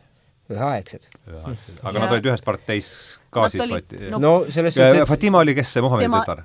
või ja, Muhamedi tütar, kes Ahah. oli Aliga abielus. ah niimoodi, jah? ja, ja ja, no siin ja võib vaadata seda, et kas siin nüüd räägivad sunniidid või šiidid nagu seda, eks ja ole. siis oli sul ja siis oli sul Aisha, kes oli Abu Bakri tütar ahah, just nimelt, ja Abu Bakr oli Muhamedi äi, eks Jaa. ole. ja, Jah. ja tema parim sõber ja ta oli tegelikult üldse jõukas mees, kes toetas Muhamedit nagu äh, sõnumi algusest. Jah. tema oli üks esimesi, kes üldse nii-öelda äh, uskus siis, sest et tegelikult see üldse see Aisha oli äh, siis selle Abu Bakri tütar, jah? tütar ja nii, vabandust, ma lihtsalt Ja Aisha saaks oli- põhifaktid pai- paika. kaua ta oli, ta vist mingi kuuskümmend aastat peale prohveti surma, ta oli üks, üks kõige noh, aktiivsemaid äh, õpetlasi äh, püsivalt, jah. ja tema naine nagu, kes, kes andis seda pärimust edasi, et nagu hästi paljud nendest hadiitidest mm, -hmm. kui vaadata, kes on see esimene, kes selle pärimuse andis, siis see on Aisha, tema see mm -hmm. naine nagu, kes andis selle pärimuse edasi. ta elas Muhamedis siis palju kauem, jah? ja palju kauem. mis see, mis see üldse Muhamediga sai, kuidas ta suri? Äh, see on nüüd äh, selline ka veidikene nagu noh, mingil määral äh, võib-olla müstiline või selline, et ta jäi järsku haigeks. Ma ei mäleta, kas see oli mingi palavik tõusis või midagi sellist ja, ja suhteliselt kiiresti, kas seal paari päevaga või midagi sellist suri ära, et nagu noh, niimoodi, eks ole, et et seal on minu arust mingisuguseid noh, nii-öelda vandeteooriasid olnud, et teda keegi mürgitas või noh, mingisugune, et seal mingisugune nii-öelda äh, aus mäng ei olnud, aga samas noh, ei tea nagu kui vanalt? ähm, kuuskümmend kuus või midagi oli vist tal see mäl- või no ei tea, aga mingi kuuekümne kandis oli jah, seal on see, et, et see täpne, see sünniaasta on ka vahetevahel Jaa, nagu äh, küsimärgi all, et võib nagu laias laastus öelda, et ta sai äh, esimene nii-öelda prohvetlik äh, sõnum tuli talle neljakümne aastaselt mm. -hmm. äh, ja ja, ja see kestis kakskümmend kaks, aastat jah, jah, oli nii-öelda siis äh, aeg, mil äh, või kuuekümne kahe aastaselt siis jah, pigem oli jah. mm. -hmm. nii, aga võtame siis järgmise, käis läbi usklik inimene mm. -hmm. mida teie arvates üldse tähendab usklik inimene? eks see oleneb sellest, et äh, mida mida inimene peab usuks, eks ole, et kas mm -hmm. usk on äh, mingisugune kehaline praktika koos äh, eluvaate, filosoofia, mõtteviisiga või see on mingisugune sisemine, eks ole äh,, meelelaad ja, ja mõte et kui palju, kui palju seal on, kui palju seal on nii-öelda siis seda mentaalset tegevust ja kui palju seal on nagu füüsilist tegevust mm, -hmm. eks mhm. ole, et mille, läbi mille see väljendub. et neid on päris palju nagu noh, jah, erinevaid viise, kuidas mm -hmm. võiks seda defineerida. et ma ise pigem äh, kaldun mateeriasse, et äh,, et usk peab olema kuidagimoodi äh, füüsiline ja mentaalne mhm. pool ühenduses, eks ole, et mhm. see hing-keha peab olema nagu toimimas dialoogis, et äh, mõlemad peavad olema haaratud sellesse mm -hmm. äh, usklikku nii-öelda tegevusse või äh, olemisse mm. -hmm. et äh, aga see on ka väga noh, ma arvan, et inimesed äh, vastavad erinevalt, mind huvitaski sinu arvamus. et minu jaoks on see kehaline pool on oluline osa sellest mm -hmm. tegelikult äh, just ka ütleme, kas siis näiteks äh, palvetamine, paastumine, just see meditatsioon, meditatsioon, eks ole, noh, et et need kõik on füüsilise, füüsilisega seotud. just, meil on mingi tegevus, mida, mida ja. ikkagi eraldatakse aeg mingiteks asjadeks et äh, loomulikult äh, noh, uskliku elu osa saab ka vaadata selles suhtes äh, nii-öelda kõikehaaravalt, et noh, kõik, mis sa teed, eks ole, on osa, osa usklikust tegevusest, eks ole, noh, ma ei tea, meie siia tulek on kuidagi meie usuga seotud, eks ole, et noh, ma ei tahaks kasutada sõna missioonitöö, eks ole, või midagi sellist, aga noh, see on nagu meie nii-öelda moslemina kohustus sellest rääkida, kui on küsimus selle kohta, eks ole no.. ja nüüd mul, ja oli küsimus. jah, et oli küsimus, eks ole, et ma pean, pean sellega tegelema mm. -hmm. Kristi, tahad sa lisada midagi? alati tahan lisada midagi vaidle, vaidle, vaidle vastu midagi ei, ma ei taha üldse vaielda vastu. ei, ma olen täiesti nõus, et, et äh, ma arvan, et, et see usk, esiteks on see usk nagu väga isiklik, et, äh, et keegi võib alati justkui paista välja usklikum, kui ta tegelikult on, onju et see ja keegi vähem usklikum ja vä keegi vähem ja keegi, kes paistab vähem usklikum välja noh, selles suhtes, et need on need stereotüübid, on ju, et milline see usklik inimene siis justkui peaks nagu välja ja nägema või käituma, on ju, ja mis see üldse tähendab. aga ma olen Steveniga täiesti nõus selles suhtes, et ma usun, et see, see füüsiline osa on väga oluline, sellepärast et ehk siis praktika? praktika on oluline, äh, sest et see, see lihtsalt nagu sest siis hakkad elama seda. jah, jah, et ma olen, ütleme nii ta ei ole idee, mõte mingisugusest ja, ja sest et inimene vaata lihtsalt on ju selline, kes Äh, me võime kui me, kui me seda noh, selles suhtes ma võin öelda, et ma olen väga sportlik inimene, onju, aga noh, ma ei tea, teen heal juhul korra, korra kuus käin siis äh, korra kuus käin jõusaalis on ju, selles aga suhtes ankeeti kirjutan, et olen sportlik. aga, aga mentaalselt ma nagu tahaks tegelikult iga päev käia, aga jõuan ainult ühe korra kuus on ju, heal juhul. aga, aga selles suhtes äh, point ongi see, et, et, et et ilmselgelt, kui ma, ma tahan olla sportlik ja ma usun, et ma olen sportlik, siis äh, kui ma veel teeks sporti, siis see kõik oleks palju toredam ja palju nagu usutavam, on ju, iseendale ja ka teistele. ja ma arvan, et see samamoodi on ka sport, äh, spordiga on hea, see on jah. et see äh, religiooni, noh, usu, nagu usuga on ka see, et vaata, et kui ma, ma võin uskuda midagi, aga kui ma piisavalt, kui ma näiteks ei palveta mm -hmm. või kui ma ei räägi Jumalast või, või, või nendest usklikutest teemadest, vaata, kas või nagu koos Steveniga või kes iganes, on ju. kui me neid teemasid ei puuduta oma elus, siis, siis lõpuks ta ikkagi nagu, lõpuks ühel päeval sa hakkad sellest rääkima ja sa saad aru, kui vähe see sulle tegelikult tähendab, sest et sa lihtsalt pole teda integreerunud oma ellu, vaata mm. -hmm nii et ma arvan, et kui sa ütled, et Jumal on surnud, siis sa ütled, et Jumal on sinus surnud, noh, selles suhtes, et sa ei, sa ei pane teda elama nagu endaga mhm. koos. ja et kui sa ei mõtle Jumala peale, kui sa ei mõtle oma tegude peale ja ei seosta neid kuidagi oma religiooniga, siis või oma nii-öelda põhimõttega või oma usuga, siis, siis äh, ma arvan, et see ongi see usklik inimene, et iga asi, mida ma teen, mul on nagu nagu võib-olla, ma ei ütle, et see nüüd olen mina täpselt, aga mi, mis nagu mõnes mõttes kunagi võib-olla oli rohkem, kunagi on vähem. Ja see usk tegelikult ka on ähm, mida ma tahan kindlasti öelda, on see, et mulle tundub, ma olen iseendale mõelnud, et noh, ma olen noh, nii kaua, kui ma olen elanud, ma olen väga palju erinevaid usuetappe nagu läbinud mm. -hmm. et noh, ma olen nikaabi ka kandnud, kui Aha. ma olen väga noor selles ja ma olen uskunud sellesse, et Aha. ma, see oli, see ei olnud sellepärast, et keegi mind nagu vägisi pani seda kandma. nikaab on see, mis on siiani lausa? Äh, jaa, mis ainult silmad nagu paistavad.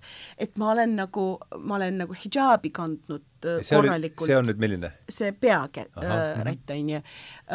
ma olen nagu selles suhtes, ma olen kõiki neid asju nagu teinud ähm, ma olen neid etappe nagu läbinud ja ma olen terve aeg nagu, kui ma olen nagu mingeid otsuseid teinud, siis ma olen nagu kuidagi üritanud lähtuda sellest, sellest noh, nagu tundub, nagu ma olen ainult taandunud, vaata, nagu sellest äh, nii-öelda yeah. nendest tegevustest, on ju.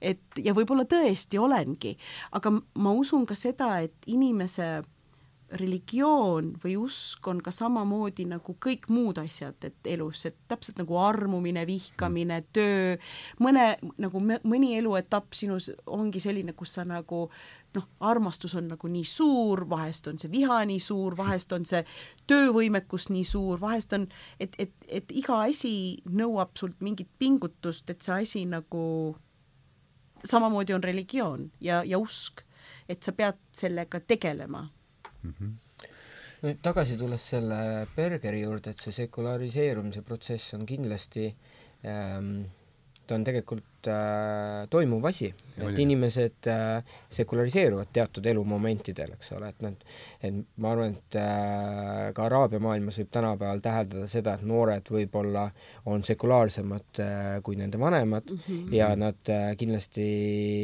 äh, mingi moment elus võib-olla jõuavad äh, tagasi nagu usu juurde, eks ole, või siis äh, või on praegu äh, rohkem usklikumad ja mingi moment see jällegi langeb nii-öelda, et noh, et see on äh,, ma arvan, et see usu osakaal inimese elus on ka nagu selles suhtes nii-öelda noh, lainetena minev ja, ja muutuv läbi elu, eks ole, et see, äh, seda ei saa isegi ühe inimese lõikes nagu võtta nagu niimoodi, et see inimene on selline on alati. trendid tegelikult ka ühiskonnas, ma võin seda isegi öelda, et kui mina näiteks Kuveit, kui mina nagu Kuveidis olin ja ma olin laps, laps, siis see, kui ma kandsin äh, seda pearätti või seda niqaabi, siis ma olin ainukene tegelikkuses. ma olin nagu mässaja ja siis see hetk, kui ma nagu enam seda ei kandnud, siis juba kõik kandsid, vaata. ja ma mäletan seda, et ma vaatasin hästi palju Kuveidi neid, Kuveidis olid need sarjad ja need äh, äh, noh, kõik see kohalik muusika ja selline ja kui sa vaatad neid seitsmekümnendate videosid või sarju, siis need naised kandsid nagu selliseid lühikesi kleite, täpselt nagu seitsmekümnendates oli see mood, vaata. Ja, siis üheksakümnendates peale seda esimest äh, äh, seda Iraagi tungi Kuveiti äh, tänu sellele, et väga paljud olid Saudisse vaata põgenenud siis Aha. Äh, kui see Iraak tungis Kuveiti, siis väga paljud kuveitlased läksid Saudisse ka, siis, siis tuli järsku mingi niisugune suur usulaine peale, üheksakümnendates hästi paljud ka. hakkasid nagu kandma just neid hidžaabe ja nikaabe ja ja, ja et, et, et see terve nagu see generatsioon muutus usklikuks, kuigi see e-, endine ja. generatsioon ja ma ei, see ei tähenda seda, et nad ei olnud usklikud, aga lihtsalt see, kuidas nad see, nagu kaitsid väljendusviis, eks ole, on nagu ja, ja siis needsamad naised, kes olid nendes mini nagu kleitides hakkasid ka nagu pead katma ja niimoodi. Ja, ja nüüd ongi see uus generatsioon, kus sul on just need kõik need erinev, need noored kellel on hoopis teistsugused noh, väga paljud näiteks naised Kuveit nagu Araabia riikides on need influencer'id näiteks mm, -hmm. on väga paljud, kes näiteks on kunagi kandnud hidžaabi ja siis võtavad nagu ära ja sellest on tekkinud suur meediaskandaal, vaata, et kõik arutavad seda, et kuidas ta siis nagu kandis ja nüüd võttis seda -hmm. ära ja siis ne-, noh, et, et selles suhtes need trendid, vaata, tegelikult on, on, ongi terve ühiskonna poolt et vahest ongi niisugused tugevamad niisugused usulained, täpselt samamoodi nagu meil kas või kui juba vaadata üldse seda poliitilist maastikku, et kui te vaatate, kuidas populism on tõusmas vahest, on ju, ja siis populism on ta-, taandumas, no samamoodi mm. öö, enne öö, teist maailmasõda on ju, oligi populism jälle tõusmas ja siis nagu, et selline noh, kõik need asjad lainetavad vist ikka. aga siit olekski hea minna pool tundi, pool tundi veel minna sellele lõpuspurt. jah, et räägikski nüüd eh, islami usuelu praktikatest, et no palve kindlasti, eks ähm, räägimegi sellest, et mismoodi see on äh,, siin on ka kindlasti erinevaid äh, jah ähm,. sunniitidel on viis korda päevas palve äh,. on ka nii-öelda see kuidas seda on jaotatud, need äh, et see on siis ähm, päikesetõus äh, või koit, mitte isegi koit õigemini. koit Mm -hmm. äh, see moment, kui äh, sa eristad äh, musta lõnga valgest, see on see Ahah. äh, õige aeg, eks siis kui, siis kui sul hakkab ko-, nagu Ahah. koit hakkab pihta, eks ole mm. -hmm. mis Eesti puhul on äh, tihtilugu veits arusaamatu, eks ole, et sa päris täpselt ei tea, et kas on nüüd on novembris läheb ikka tükk aega et kas on, ei no suvel eriti, et sa ei tea, Ah, et kas see- on päikeseloojang või on koit Ja, nagu ja, selles ja. suhtes, et see on pidevalt ja, ja. nagu küsimärgi all äh,. siis on äh, lõunane palve, see on siis äh, see on siis orienteeruvad kell kaksteist, kell üks, kui päike on kõige pool kaks, jah, jah. Mhm. Äh, siis on pärastlõuna, mis on siis, äh, võiks põhimõtteliselt öelda pool, pool ajast äh, äh, lõunast kuni päikeseloojanguni või midagi sellist, seal on mingi, seal on hästi, noh, selles suhtes see on eraldi teadus, et kui sa lähed nagu äh, jah, usu, usuteadust õppima, et siis sul on eraldi äh, astronoomia. Astronoomia, vabandust. mitte, et selleks, et palveajad, sa palveajad ei lähe horoskoope korrastama selle, selleks on vaja teada, et millal, millal on õige aeg noh, väga palvetada. hästi vaja teada kõike nagu astronoomiast, nii täpselt kui võimalik, sellepärast praegu on see väga võimalik, sest et tegelikult sul ei ole vaja midagi näha, sa tegelikult noh. No siis ka pidi arvestama välja ja teadma, kuidas välja arvestada, mis on need kaldenurgad, eks ole, sul on tegelikult nagu noh, väga spetsiif-, selle jaoks.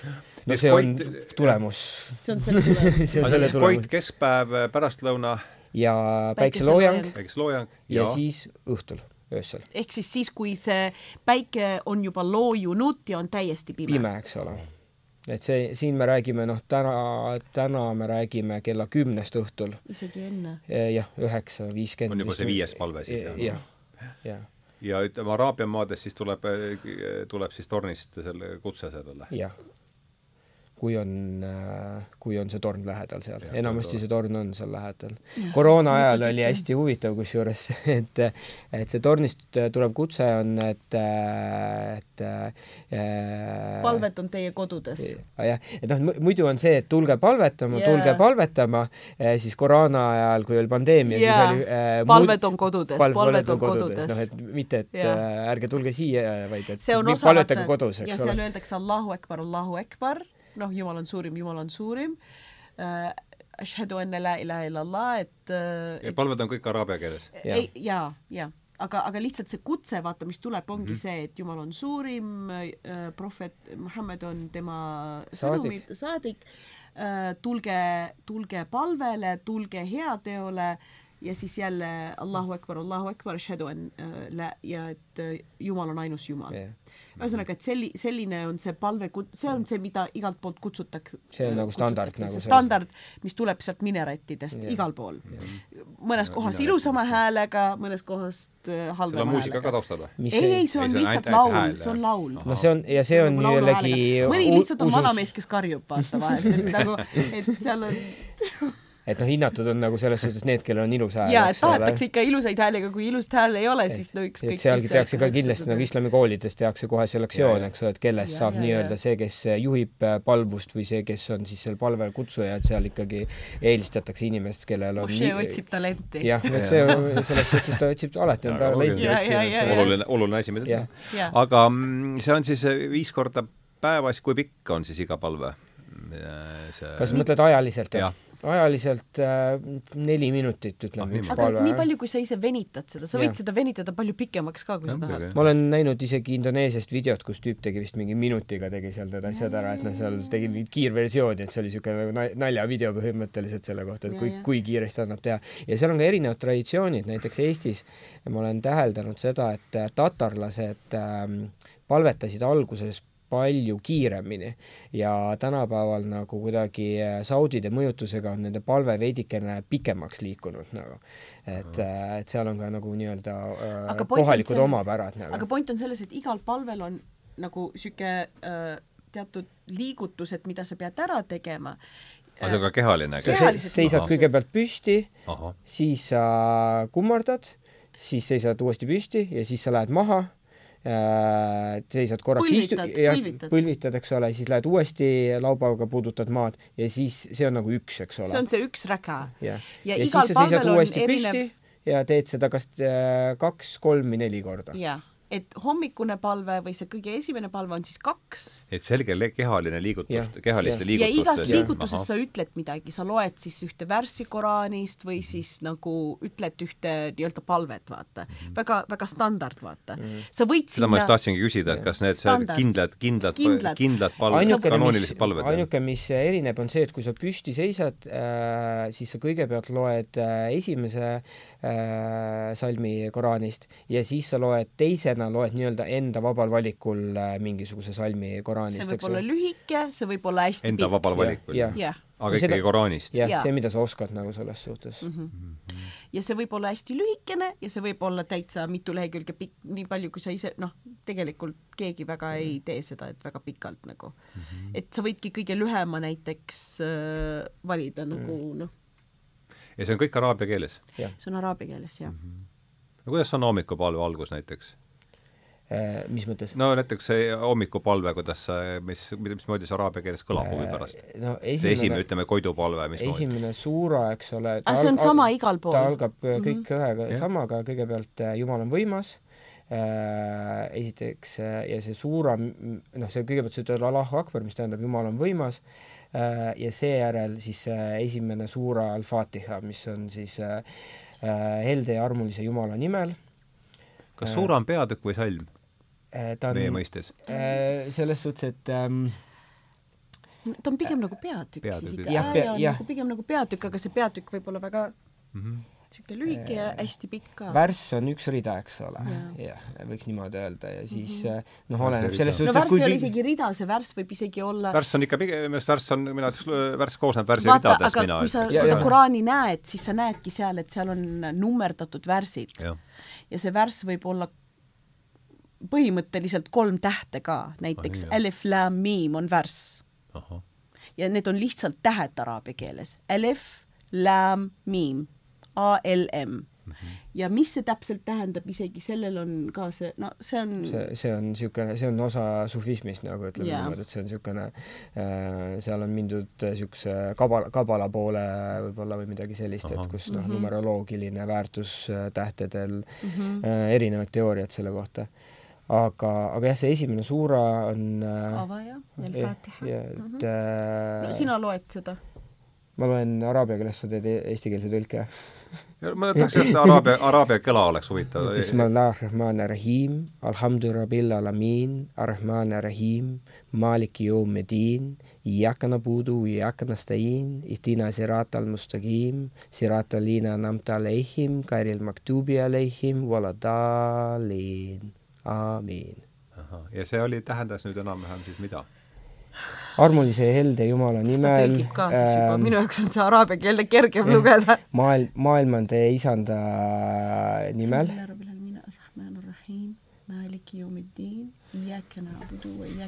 sind me, sind me äh,, äh, sinu poole me, sind me, sinu poole me kummardame, ah, sinu poole me palvetame ja sinu abi me äh, palume, palume anna meile äh, õiglase, õige tee. jah, ja hoia meid eemal valel teed äh, või اهدنا الصراط المستقيم صراط الذين أنعمت عليهم see õige tee, mida sa oled endistele ka nagu pakkunud. Äh., Gairil Maghdubi Aleihim, mitte need, kelle peale sa oled viha vihane olnud või vihane kes on, kes on sinu mhm, vihkamise alla sattunud.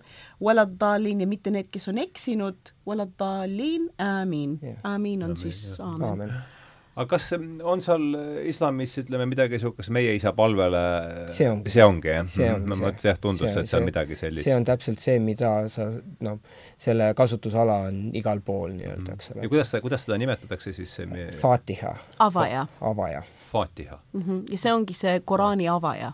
ahah, ahah ja selle, ja see ongi, siin on täpselt see, et sa nagu ja need pealkirjad on äh, veidike nagu hiljem antud. Mm, -hmm. et nad nagu noh tegelikkuses ise, tegelikkuse alguses neil ei olnud pealkirja, aga nagu see Fatiha ega see Koraani üldse kokkupanemine on ka ju omaette lugu tegelikult. oh,. see on äh, kolm, kolmanda kaliifi Utmani ajal sai ta nagu selle äh, selle Kirjaliku vormi, jah, vormi lõpuks võib öelda aga ka seal on nagu selles suhtes, ma just sattusin lugema ühte seda mm, äh, ebajumala äh, just äh, raamatut, mis nüüd tuli Tallinna Ülikooli alt välja, et seal oli äh, ka seal päris mitmes kohas äh, ta tõi seda välja, et seal on, äh, no see on mm, keeruline äh, täpselt paika panda, millal see juht juhtus ja, ja mis seal juhtus, eks ole, et see on nagu tuhat nelisada aastat tagasi, et et äh, eeldatavasti oli see Utmani ajal see koodeks, mis sai äh, kokku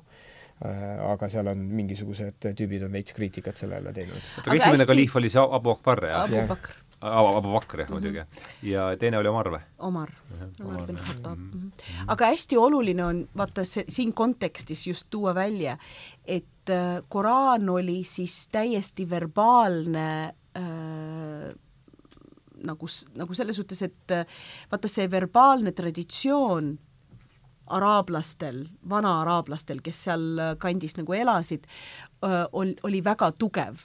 et sellepärast see Koraan nagu on mänginud väga olulist nagu äh, rolli või, või ta tuli just õigel kujul see, selles suhtes, et et näiteks vanasti üldse enne äh, islamieelsed ajad olid tuntud, kui olid need äh, hästi pikad äh, luuled, luuled. Mm -hmm. ja, ja, ja eri, noh, erinevad stiilid selles suhtes. ja erinevad stiilid ja need luuled olid, kuni, no, ja need olidki vormi. väga äh, ja nad olid sellised, mis nagu andsid edasi mingit infot või mingi ne,, neil oli nagu äh, Nad olid hästi oluline osa sellest äh, ühiskonnast. tehnika oli olemas meeldejätmiseks. no värssa memoreerimistehnika, eks ole. et selles suhtes, et see oli, see oli nii-öelda loomulik viis nende asjade meeldejätmiseks, oligi mällu. kõvakätet polnud ju. jah et ja noh, ja paber oli ka nagu selles suhtes ja, pergament ja kõik ja asjad ja, oli ja, selline ja üldse see kontekst, sa elad kõrbes, sul ei ole mitte nagu see, kui sa mõtled seda, kui kui noh, tänapäeval meil on neid stiimuleid nii palju, vaata mm, -hmm. et vanasti, kui sa oledki sellises kohas, kus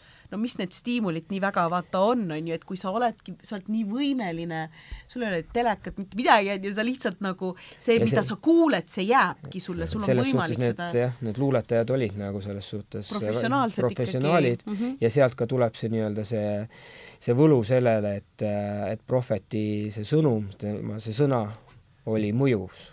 ta sobis nagu selles suhtes sinna, sellesse konteksti, et kuidas seda äh, nendele inimestele ja ta... see jäi inimestele meelde, selles suhtes, et kui ta seda see... Koraani nagu värssi nagu luges, siis äh, oli alati keegi, kes jä-, jättis seda täpselt nagu meelde, et see, see, see, et see terve Koraan oli neil meeles, oli täiesti nagu adekvaatne väide, sellepärast et see oligi osa sellest, sellest kultuurist ja noh, ja tänapäeval me räägime miljonitest inimestest, kellel on võimalik, et täiesti terve Koraan on pähe õpitud mm. -hmm miljonitest isegi. ja, ja, ja, ja. sest kui me et... räägime ühe koma viiest miljardist äh, moslemist, äh, siis noh, see, see üks miljon sealt on nagu selles suhtes. ja need madrassad ja need kohad, vaata, kus reaalselt väikseid lapsi, sa võid isegi Youtube'is nagu mm, vaadata et väiksed lapsed nagu loevad sulle terve suura nagu sõna-sõnalt niimoodi, et isegi, mitte isegi ainult sõna-sõnalt, aga isegi see nagu see,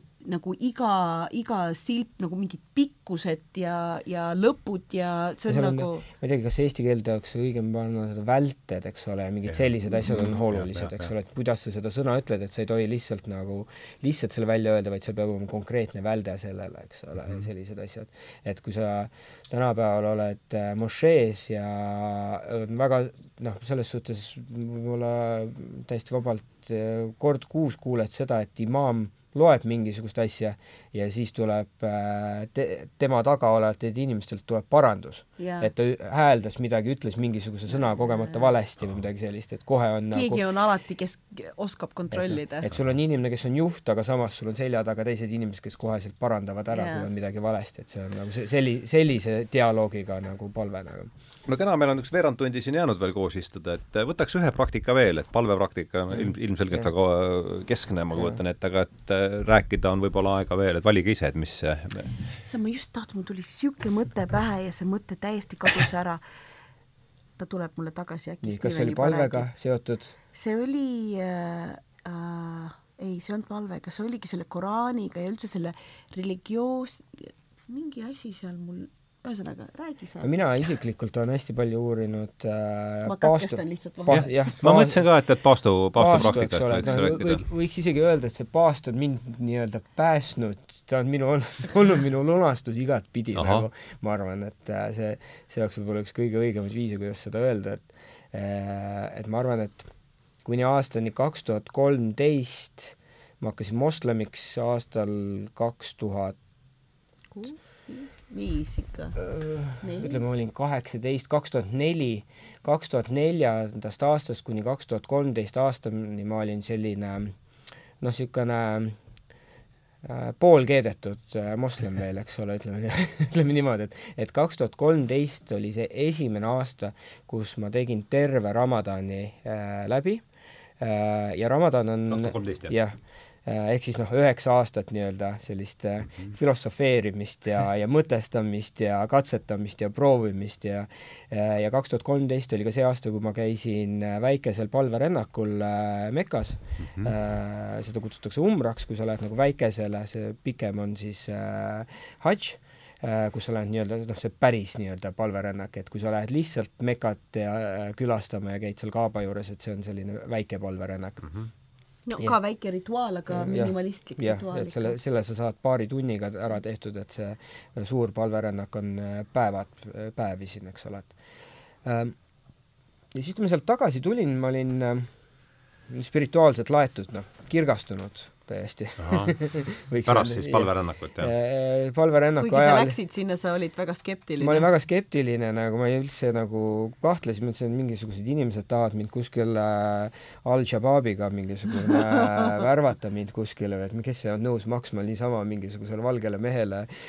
reisi kinni sinna koos majutusega ja värki-särki, et mingi yeah. konks peab seal olema, et see ei saa olla noh, niisama tasuta, eks ole, et tasuta lõuna. tasutaid lõunaid ei ole olemas äh, õnneks ja eks ta kindlasti seal oli mingisugune ei no seal, seal oli see oli kindlasti natukene ka siuke PR ikkagi, ta oli, ta oli PR ikkagi oli. ta oli PR-i üritus, eks ole, seal oli üks perekond, kellel on nii palju raha, et ta saab äh, äh, vaeseid äh, kahvatuid moslemeid äh, Euroopast mitte ainult Euroopast, kuule, igalt ei no poolt maailmast, ja, ja neil oli tegelikult kõik kontinendid olid kaetud, eks Kõik. ole, kust nad tõid nii-öelda siis äh, konverte kohale no see oli nii tore, see oli nii huvitav kogemus tegelikult, sest et kahekesi käisite? ja, ja, ja. ei, me- meid Eestist oli äh, meeskond. viis ja me olime no viis jah. Mhm, aga ma olin ka.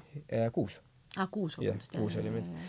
Äh, ja me- ja sealt, kui ma tagasi tulin, siis äh, Ramadan on liikuv selles suhtes, kuna Jah. äh, kalender, Kuukalendriga. kuukalender, eks ole, et ta Mhm. liigub kümme päeva tagasi. kui ma esimest korda, kui ma moslemiks hakkasin kaks tuhat neli, siis Ramadan oli kuskil oktoobri lõpp või midagi sellist, ma mäletan, et see oli juba nagu selline noh, sügisene aeg. Ja noh, ideeliselt peaks olema kerge paastuda, seepärast et sa pead paastuma äh, siis sellest äh, Koidust kuni äh, päikeseloojanguni. ei süü-, ei söö, ei süüa ega juua või? ei süüa, ei juua, Ei ei, ei suitsu. Ka vett ka mitte, mitte midagi nagu, täiesti kuiv paast, eks ole, selles suhtes mm. -hmm. ja, ja siis selleks ajaks oli äh, kaks tuhat kolmteist aastaks Ramadan oli liikunud juba suvesse, ma Ahah. alustasin kuskil juuli algus oli see minu mäletamist mööda. Ja, ja esimest korda ma olin nagu selles suhtes mentaalselt valmis selleks ja, ja ma tegin selle Ramadani ära nii-öelda siis kõige nagu öelda raskemal ajal. Äh, pikkuse mõttes? jah, et pikkuse mõttes, et päikeseloojang oli siis sel ajal peale kümmet äh, millalgi. ja, ja sealt, sellest, sellest on alguse saanud mitu erinevat nagu liini, et kaks tuhat viisteist äh, ma kirjutasin Nihilisti äh, Ramadan Mani päeviku äh,, kus ma siis nagu rääkisin kahest esimesest Ramadani nädalast ja see oli kuidagi minu jaoks kirjanduslikult hästi oluline lüke, kus ma enda, endale tundus see väga äh,, ta sai reaktsiooni osaliseks nagu selles suhtes mm. -hmm ja sealt edasi ma olen liikunud ka oma magistritöös, mille ma tegin äh, siis paastu kohta. et, äh, et see paast on olnud minu jaoks kuidagi selline mm -hmm. nii kirjandu-, loominguliselt kui ka akadeemiliselt oluline mm -hmm. hüppelaud. ja see kestab, Ramadan kestabki siis kaua? üks kuu, üks kalendrikuu. meie, meie kalendrikuu, jah? kakskümmend üheksa või kolmkümmend päeva. jah, olen, see äh, kuu, kuu, kuu on kakskümmend üheksa koma viis päeva täpselt. et siis see oleneb sellest, eh, kas see on kakskümmend üheksa või kolmkümmend, millal seda kuud eh, on näha. sa pead nägema kuu sirpi. ja veel kord siis päeva äh, niikaua, kui päike on üleval, ei, ei juua isegi ei, ei vett, ei süüa. mitte midagi. No. Aga ja peab..., ja kusjuures see, see liikumine on ka teistpidi, sa ei tohi oksendada.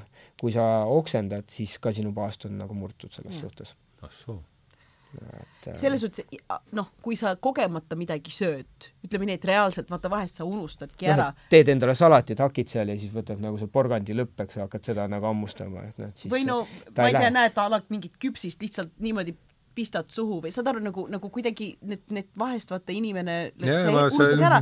Ja kui sa seda teed, siis sa võtad seda kui kingitust, et aa, oi, noh, sa ise tead, et sa unustasid ja sa jätkad oma paastu.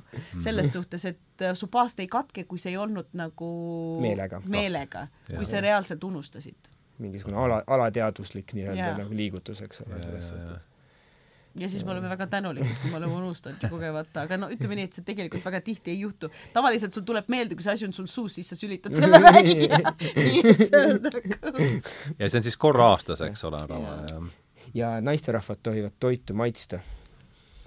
kui nad seda aga valmistavad. päris tegelikult on see niimoodi, et me ainult keele otsa peale no, tohime panna, aga ma ei tohi seda alla. et te teaksite, et te meestele nagu ei, selles ikka teeme õiget toitu, et pärast mehed vaata vaesekesed ikka saaks head toitu süüa. ei soolaks jõle või vähe või midagi sellist. ühesõnaga teate, see ikka aga siis nihkub siis kindlasti meeste poolt pandud lisareegel sinna juurde aga siis nihkub siis söömine ikka siis öisesse aega või kuidas see, kuidas ja. ta ja, ja no sellest hetkest, kui päike loojub, siis läheb ja. söömine lahti, noh ja aga ta on ähm, selles suhtes, et seal on kindlasti äh, aga algus, alguses esimestel palju. päevadel on nii-öelda see ülesöömine äh, siis, kui päike loojub? jah, et noh, selles suhtes, et noh, silmadega sööd nii palju endale kui vähegi võimalik ja, ja ja, ja, ja et ajapikku sul jõuab kohale, et mis äh,, palju su magu tegelikult noh, lõpuks vajab, et see magu hakkab lõpuks ka veits nagu kokku kuivama ja siis on niimoodi, et sööd nagu niisuguse äh, supikausi tühjaks, siis on koheselt nagu kõht täis,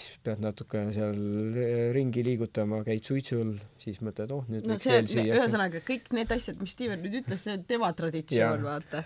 aga, aga tegelikkuses on see ka niimoodi, et see prof-, noh, nii-öelda need, vaata, need õpetused siis tulid ju ikkagi inimeselt, kes on kõrbes, on ju nii, et soovitused on sellised, et sa võid oma, et paastu murrad siis tatliga, sest et tattel vaata annab sulle kohe selle suhkru, noh, ja see on see, mis on olemas Seda... seal äh, kõrbes onju mm. -hmm. tõstab su veresuhkru. tõstab kohe. su veresuhkru kohe vaata, siis mm -hmm. sa mhm. kohe tunned ennast paremini. Äh, jood vett või piima või mõlemat, et noh, et kohe, et sul on vaja seda noh siis piim on hästi palju kusjuures seotud prohvetiga, nagu seal on nagu see piima see osakaal on hästi oluline.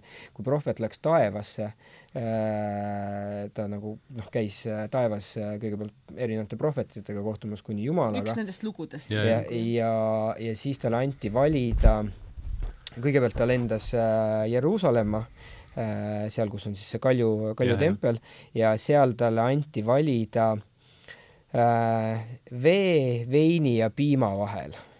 ja, ja tema valis piima ja see oli nagu õige vastus, et see on see elu essents nii-öelda, eks ole, et see on see, äh, mis meile, noh, meie imetajatele on see, see õige, kõige õigem. Aga sa mainisid ennist, et ja see on üks, üks, kui nüüd mitte päris viimane küsimus, siis üks viimastest igal juhul, et paast on sind aidanud äh, ma ei mäleta täpselt, mis sa, kuidas sa seda täpselt sõnastasid, aga niisugune mõte jõudis minuni, et ja. kas ma sain õigesti aru ja kui ma sain õigesti aru, et mis siis, anna siin palun natuke värvi juurde Äh, no seda ma mõtlesingi selle, selle alt, et see on olnud mulle loominguliselt, akadeemiliselt ah, nagu jah, selline hästi jah. oluline osa minu noh, edasisest elust, eks ole mm. -hmm. muidugi noh siin on erinevaid nii-öelda leveleid, kus sa siis äh, mõtestad seda paastu erinevalt, et äh, ütleme, et alguses sa mõtestad seda kui enesedistsipliini, osa Jumala käsust inimesele, kuidas ta peaks toimima, õpetusviisi, kuidas sa saaksid aru vaestest inimestest, noh, empaatiavõime, eks ole, et kuidas inimesed tunnevad nälga, kuivust, aru saama sellest, mis sind ootab põrgu sees, eks ole, et see noh, kannatus äh, Ramadani ajal päeval on selline nagu võrdpilt selle põrguga, kus äh, sa ei saa ei juua, ei süüa midagi, noh, selles suhtes, et kõik, mis sa saad, seal on halb ähm,. ja siis nii-öelda siis see paastu murdmine on jällegi sümboolne sellele äh, paradiisielule et mm -hmm. neid, neid aspekte on, äh, ma arvan, et äh, noh, kõik usklikud nimetavad väga erinevaid neid osasid, mis neile nagu mõjuvad sealt mm. -hmm. Kristi, tahad, tahad sa midagi lisada selle küsimuses? Äh, mis selle loetud veel juurde käiks? selles suhtes paast on, on äh, üks kõige tähtsamaid äh, neid rituaale, sellepärast et esiteks ta on kõige isiklikum mm, -hmm. et äh, alati öeldakse, et, äh, et vaata, kui sul on need viis sammast, on ju, siis paast on see kolmas sammas seal. palun ütle need viis sammast. esimene on siis see, et sa tunnistad et Jumal on üks ja et prohvet Muhamed on tema saatja. teine on teist, teist jumalust peale Jumala. jah, ja ei ole teist jumalust peale Jumala.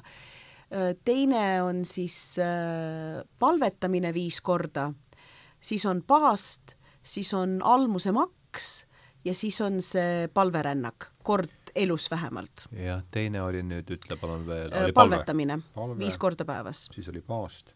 paast, almuse maks almus üleüldiselt? almus üleüldiselt, aga see almuse maks on, on kohustuslik nendele, kellel, kellele see on võimalik, sest et almuse maks ei ole kõigile võimalik mm. -hmm ja, ja siis ja palverännak. ja palverännak samamoodi ei ole kõigile võimalik. ja, ja et juhul, kui ta on sulle võimalik, et ta et, ei, ta ei koorma sind finantsiliselt ja no vanasti ju, kui mindi, siis mindi ikkagi karavanniga mingi vähemalt pool aastat ette ja pool aastat taha, et sa ja ei tea üldse, kas sa jõuad kohale või laevaga. jah, ja see, sa ei tea, kas see on sinu viimane rännak nagu jah, et kas sa üldse jõuad pere, kohale. pere näeb sind veel. aga see palverännak selles suhtes, vabandust, see paast on, minule tundub see kõige isiklikum sest et vaata, lõppkokkuvõttes keegi ju ei tea, kas sa oled selle küpsise nagu endale suhu pistnud või, või vett joonud, vaata, et see paast on sinu enda otsus. No, ainult sest... sina tead, kas sa, ja see paast ei ole ainult see, et on kuiv paast, aga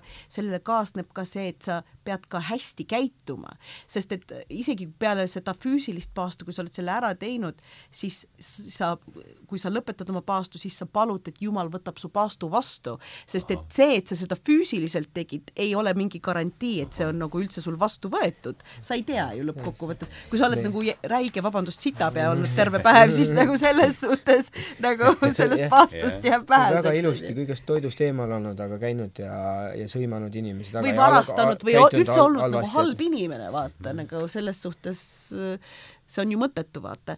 et jälle siin on see tegu, mi-, mille eesmärk on see, kui sa oled juba seda endale vaevaks võtnud, seda kõike teha, siis sa võiksid ikkagi aru saada, et selle eesmärk on see, et sa pead ikkagi noh. jõudsime enam-vähem algusesse tagasi. just. see on äh, ka äh, Zoroastrismi nii-öelda üks neid põhiteese Äh, et äh, mõelge head, öelge head, tehke head. Need kolm mhm. asja, eks ole. ei ole meil praeguses äh, sellises krõbedas olukorras sugugi halb soovitus, millega sellele saatele tõmmata joon alla. mõelge head. Öelge head. Öelge head ja tehke head. noh, see on ju täitsa niisugune Lovely yeah.